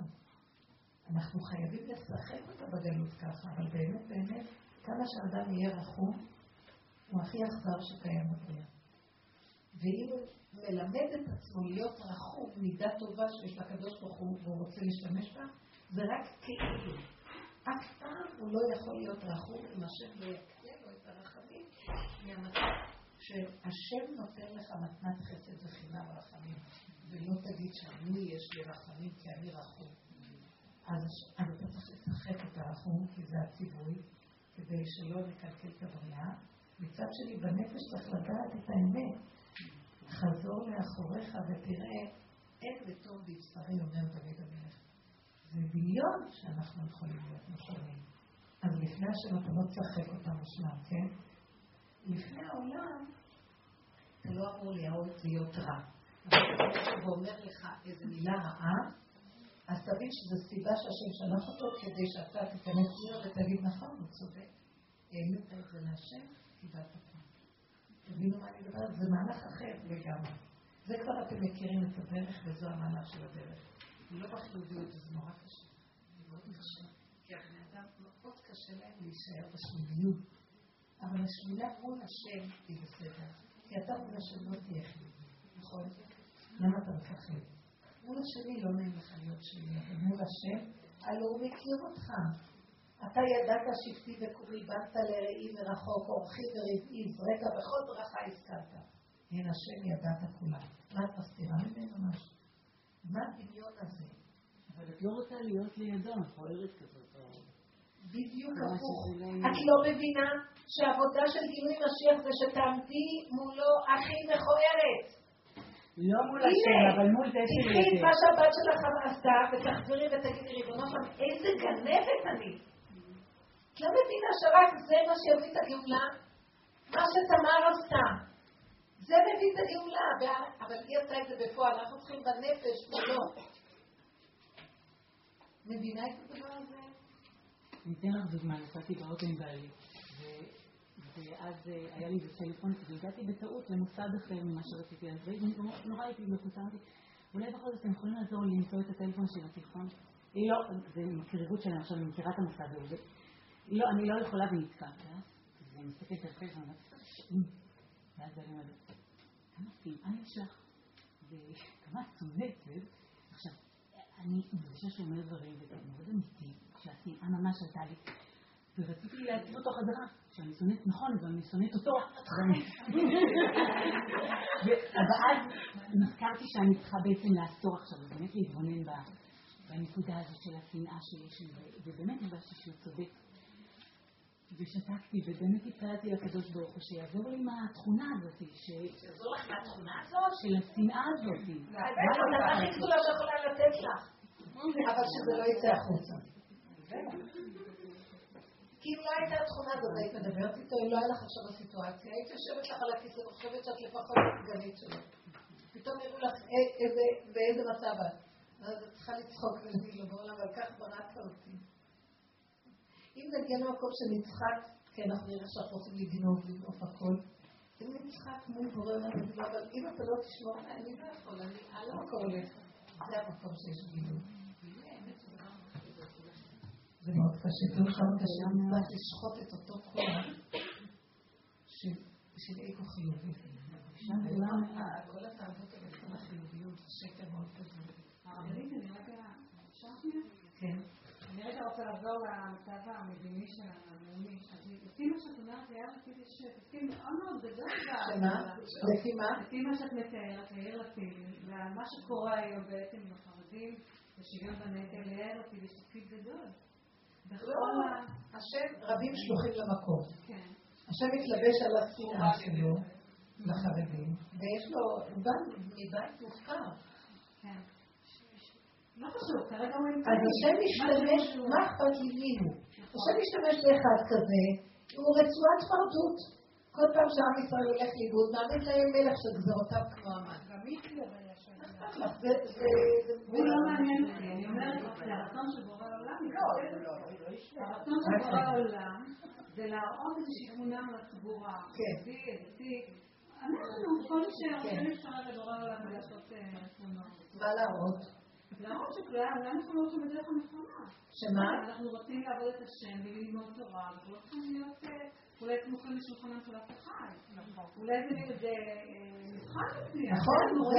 בכל העולם שקורים שינויים, וגם אצלנו יש כאילו עכשיו חיבור בכוח לנקודת האמת. לא נותנים לברוח לצדיקות, לחסידות, נכון, יפה מאוד. תעודת עניות שאנחנו, עם ישראל, שיש לנו את התורת אמת, ויש לנו, אנחנו הכי מפותחים בבריאה, האינטליגנציה הכי גבוהה בבריאה זה האנשים שיש להם תורה. אנחנו צריכים שאחד כמו יאיר לפיד יראה לנו את הדבר הזה. הוא לא עושה את זה בכוונה, אבל שהוא יהיה המקל שדרכו אנחנו רואים. ואנחנו איבוד, היינו צריכים שיהיה לנו מקל פנימי, שמראה לנו סיבות מספיק היו, שהבני אדם יגידו לא, לא, אנחנו לא רוצים לקחת מהמדינה כסף. אבל התיישבנו טוב על סיר הבשר הזה. אם היינו מראש, והיו כאלה שלא, אם תמיד יש כאלה שלא, אנחנו לא מתערבבים לדבר הזה, וזה מאוד קשה.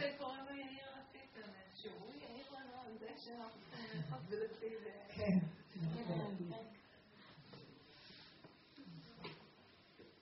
השם יזכה לנו באמת, לא חשוב הדמויות פה, זה חשוב שקוראים לנו, וחבל שזה בצורה כל כך עלובה, וזה קורה לי הרבה פעמים שאני רואה, שלמה אני יכולתי לקרוא את הסיבות והרשיתי לעצמי ללכת בהפקרות שלי. השם שולח איתותים, השם כתוב אין עונשים אלא אם כן מזהירים. קודם מזהירים את הבן אדם, אחר כך עונשים אותו. ובטח שהשם שלח הרבה איתותים קודם, שנפסיק. זה דבר חיובי, צריך הכל לדייק את העבודה שלנו. לא, היה יותר טוב שלא היינו הולכים בכלל עם שום דבר שקשור לכל הנושא הזה של ממשלה ודברים כאלה, והיינו מתכנסים לחזון איש אמר שאם היינו מאמינים בהשם, היינו יכולים לקבל את הקיום של התורה בכיוון אחר, לא דרך הממשלה. אז אם אנחנו חיים ככה, אז אנחנו צריכים לדעת. יכולנו קודם להתעורר, הוא שלח לנו סיבות קודמות ולא התעוררנו. אז עכשיו, בצורה כזאת שהיא מבוזה. אבל אם אנחנו אומרים לשם, אני רואה את כל העזרות שלך, אני רואה את כל האיתותים, ואני יודעת, ואני לא מצליחה, אני לא מצליחה, אני רואה שאתה מדבר איתי ואתה אומר את זה, אני מדברת איתו ואני אומרת לו, ואני, אתה, אתה שמת לי כזה דבר, אז סליחה, אני מצטערת. אנחנו מדי מקולקלים. אני מקולקלת פה כל כך שאני לא מצליחה. והוא עדיין ממשיך לשלוח את העניין הזה, אז אני כבר נהנית, אני אומרת תשמע, אני לא יכולה להמשיך להיות שם ולסבול ולהתייסר ולהיות עם מצפון כזה. אז אתה רוצה, תפסיק לשלוח אותנו. יפה, זה גם מקום שאנחנו, אבל תעבדים, זה אל תלכי בהפקרות. לא, את עושה, כאילו, את אומרת, אני לא יכולה וזהו. הכוונה היא, זה המאבק, אני לא יכולה בדיבור. ולתת יסוד של צמצום. את לא תאכלי ונפלת עוד פעם, עוד פעם, תחזרי. אבל זה לא כאילו אני לא יכולה בגדול וזהו. כל פעם מחדש לנסות להיות יכולה ועוד פעם ליפול. לאט לאט הקליפה נופלת. זאת אומרת, לאט לאט את מקבלת איזה מקדם הגנה כזה.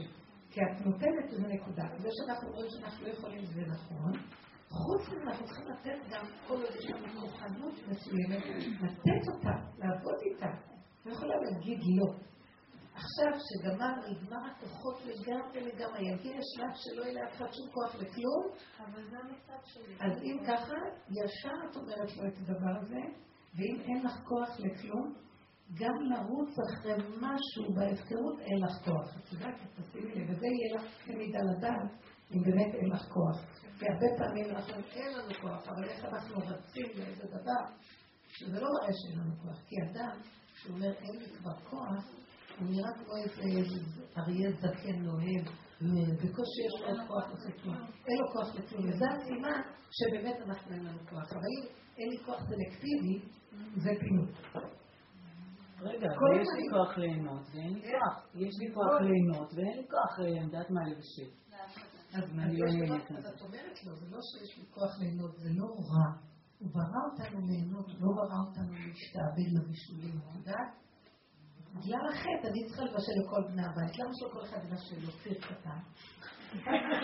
מה נהיה שהייתה צריכה לדבר לכולם עם כל הצרכים שלהם? זה נורא ואיום, זה הקללה.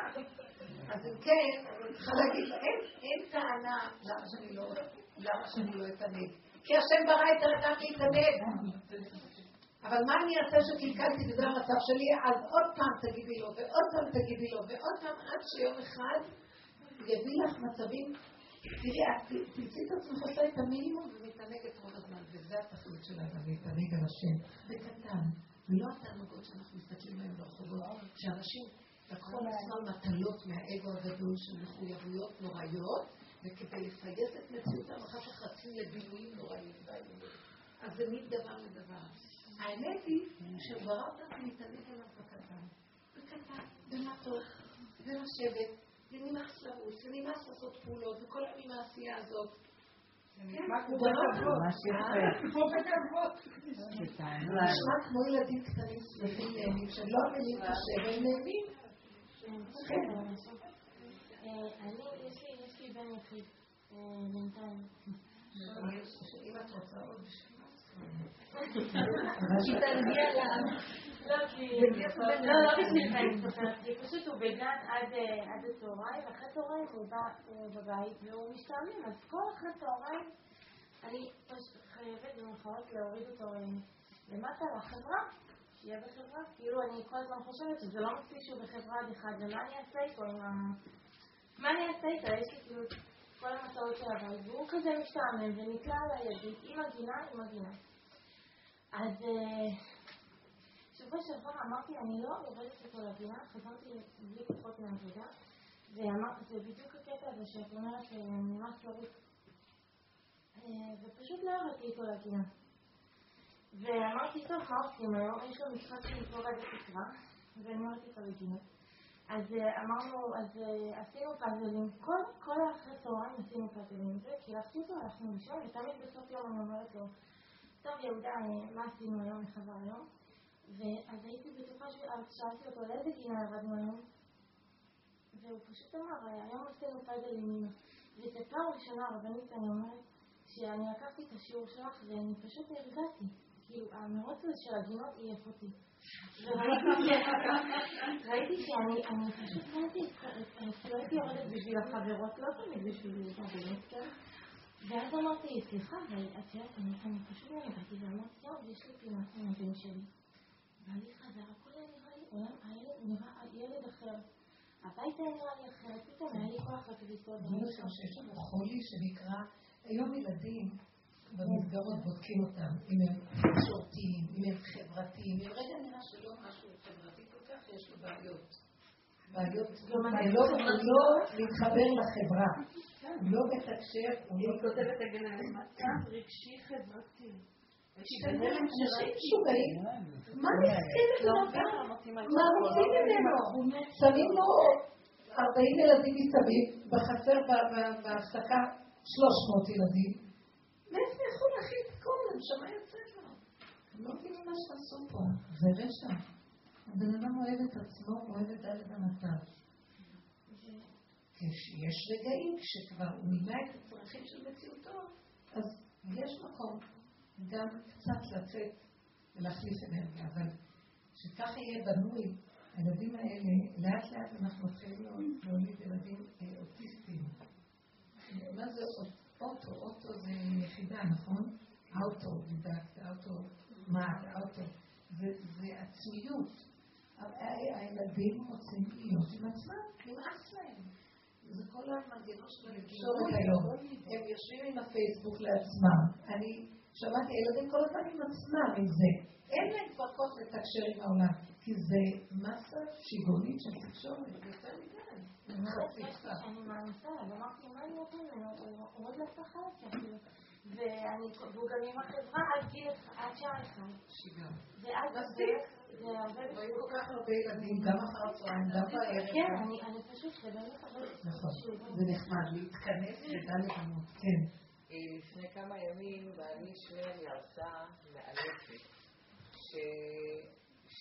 של קבוצת מדענים גויים, מדענים בכל מיני תחומים, אנשים מאוד גבוהים, לא...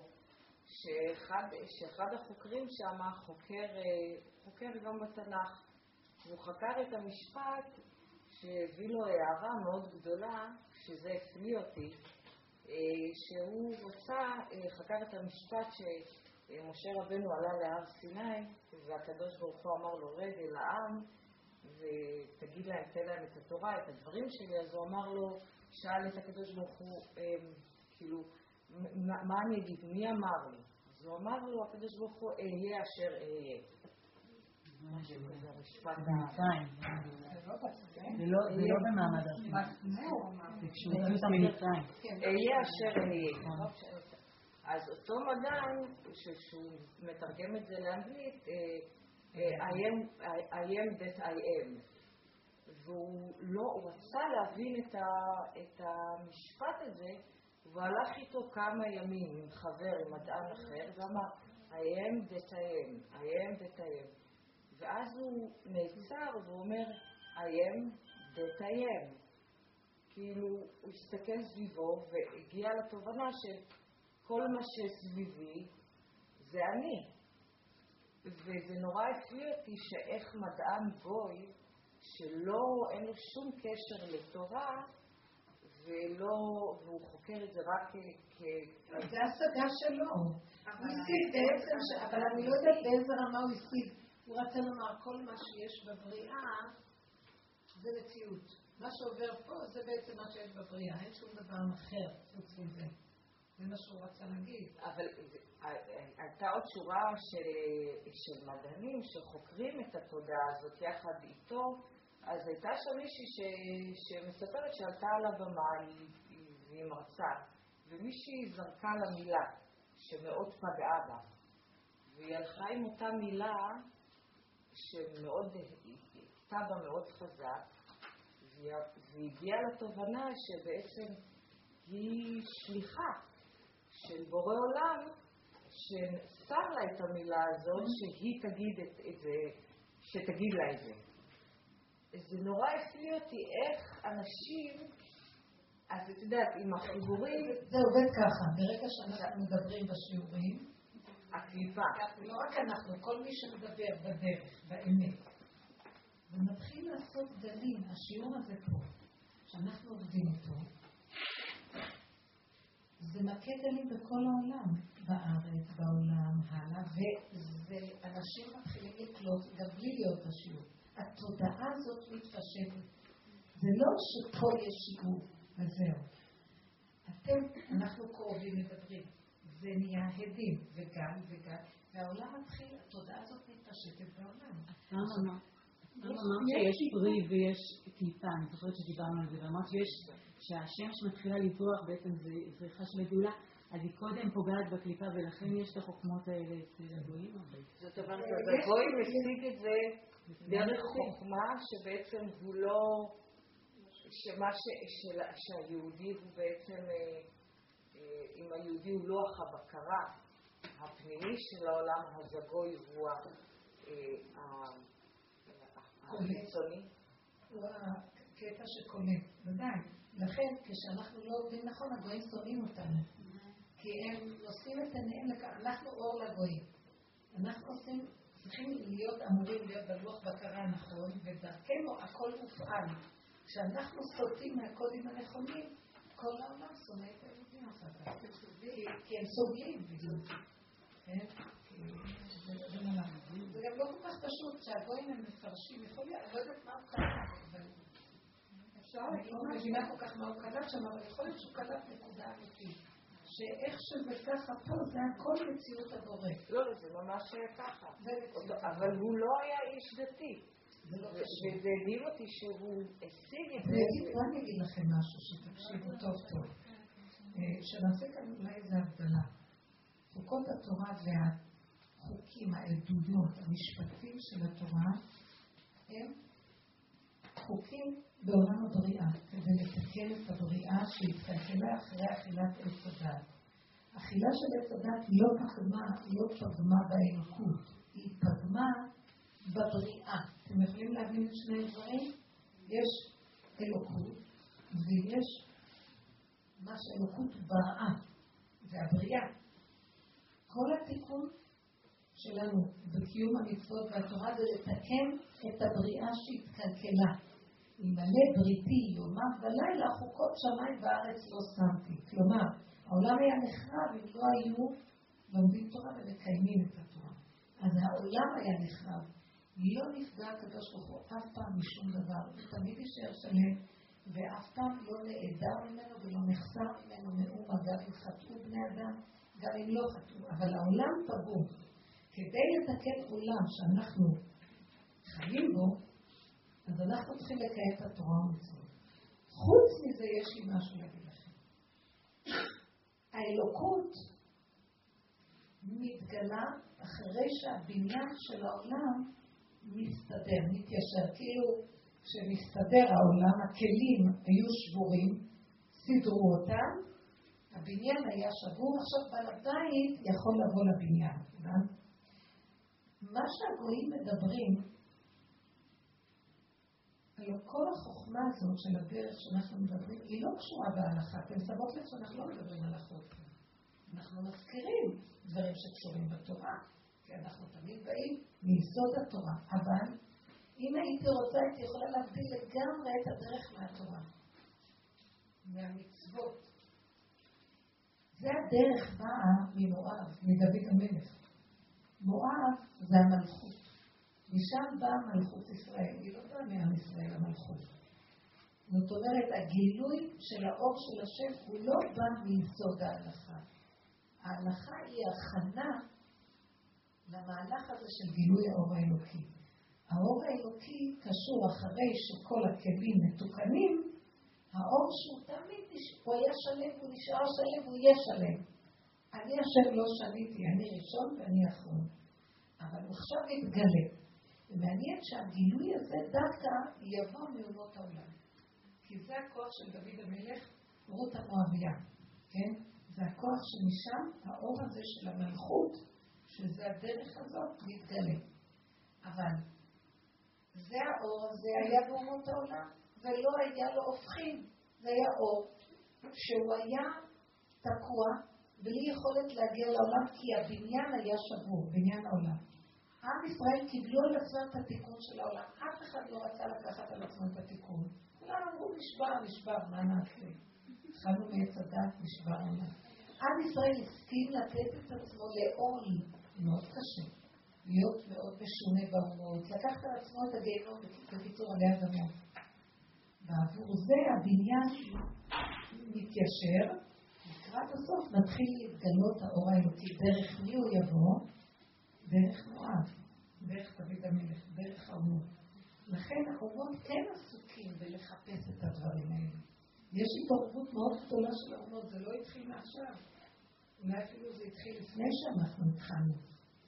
כל החוכמות הגדולות נפלו מהעולם. הייתה תקופה מאוד גדולה שברוסיה ירד אור מאוד גדול והיו נוסעים להודו עוד לפני, זה היה לפני, תקופת הבעל שם טוב. כן, זה דברים ידועים. ואז הופיע האור של הבעל שם טוב גם כן. אז התחילו, אומות העולם קולטים את האור קודם, תמיד. כל האורות האלה מהסוג הזה הם מקיפים עליונים, הם באים קודם מבחוץ. ואז הם נקלטים על ידי אומות העולם קודם. אבל אין להם שום קיום אם הבניין לא יהיה שלם. לכן יהודי שמקיים מצוות, שמקיים הלכה, והוא גובר את עצמו, בונה את הכלי, עכשיו הוא יכול לעבוד בעבודה הזאת. אומות העולם יכולים להשיג השגות מאוד יפות אבל אין להם קיום. אין להם קיום. בן אדם יפגע בו, הוא יענה לו בחזרה. היא יודעת שהיא הייתה שליחה, אבל מה היא תעשה עם זה? יכול להיות שהיא עובדת עם זה. היום יש תודה מפותחת בעולם. אבל זה המקום שהיהודי המושלם, הוא ייקח את הדרגה, שער החמישי בסוף הזה ויעבוד איתו, יש לו, כל הכלים שלו מוכנים למהלך הזה. מבינות? ואת זה אנחנו ניקח מעונות העולם. ולא ניקח את זה זה כבר נמצא אצלנו הרבה זמן. זה שהיינו בגלויות, היהודים היו בגלות, הם הביאו איתם את הכוח הזה מאומות העולם. עכשיו אנחנו יושבים פה, וכל הכוח הזה יצא. זה הדרך הזאת. זה מאוד, מאוד ככה בלט לי, בגלל שמצד אחד אני רואה את אותה גויה שהיא ממלאה אולמות בהרצאה שלה, ומה שהיא מעבירה. מצד שני אני רואה, נגיד, כמו דוגמה של נשות הכותל. נשים שהולכות ומתפללות, לקחת מכל המצוות שיש, דווקא את המצוות של הגברים ולעשות אותם בכותל, ואת החרדי, הדתי, המאמין, שמחובר לבורא עולם, לא מצליח להבין שזה שליח של בורא עולם כדי שהוא יעבוד עם הנקודה. כי זה לא כזה, כי העולם החרדי, התפקיד שלו זה לבנות את הבניין. הוא לא יכול, תדעו לכם שזה נשמות מסוג אחר. יש בתוכה נשמות ששייכות למלכות. היום כבר דור חדש מגיע והילדים שייכים לדור של המלכות. אבל הנשמות הגלותיות הן שייכות למשהו אחר לגמרי. ואלמלא זה לא היה בניין, מבינה? זה תפקיד אחר, זה תפקיד אחר. לאט לאט קצת קולטים את המהלך. הנה, היו הפגנות מאוד גדולות על העניין של הצבא, בדת קם, וממש התנגדו, והיה אלימות, ואחרי כמה זמן השתתקו וחזרו, כי זה כבר לא תהיה הדרך. כי הם מבינים שהשם כאן מסובב מהלכים וצריך להשתתף. ולתת לקדוש ברוך הוא להתגלות בעולמות. זה העבודה שאנחנו עובדים פה, להעלות את הכל אליו ולזכות שנהיה שקופים לפניו. אין לנו חוט לא יביא בינינו לבינו בנפש. אז כל הנוסחה הנכונה שבגוף אנחנו נהיה שלורים בדרכי התורה, ההלכה, במה שצריך. בגלל שאנחנו גם מפתחים עבודה פנימה, אי אפשר לשים את כל הביצים בשר של הגוף. בדקדוקיה, דקדוקי והלכה וכל זה, אלא לשבור את מה שנצרך בערך, ולתת שבור בתוך הנפש לעבוד בעבודה הזאת. מה זה בערך? בערך זה לא להיות, לא לדקדק מדי, לא להשתגע. לא להשתגע. ברגע שאנחנו הולכים למדרגת הנפש, אני כבר לא משתגעת על, על השבת, כמו שפעם הייתי משתגעת. אני אומרת, במדרגת הנפש, שה... נפש היא-היא השבת. אני לא רוצה לסדר את השבת כמו איזה ערך ואני רצה לשרת את הערך, אלא הערך שבת ישרת אותי. מדרגת, אני רוצה להתענג בעולמו של השם, ולא שאני אשתעבד לנקות הרצפות לכבוד שבת. הבנתם מה אני מדברת? נכון שצריך שיהיה נקי ומסודר יפה, אבל התפיסה מתחילה ללכת לכיוון הנפש. אנחנו עוברים דירה למדרגה פנימית. וחוץ מזה, כן שומרים שבת, אבל כשהעיקר נמצא בנפש. תודה רבה לכם. זה מספיק בעזרת השם.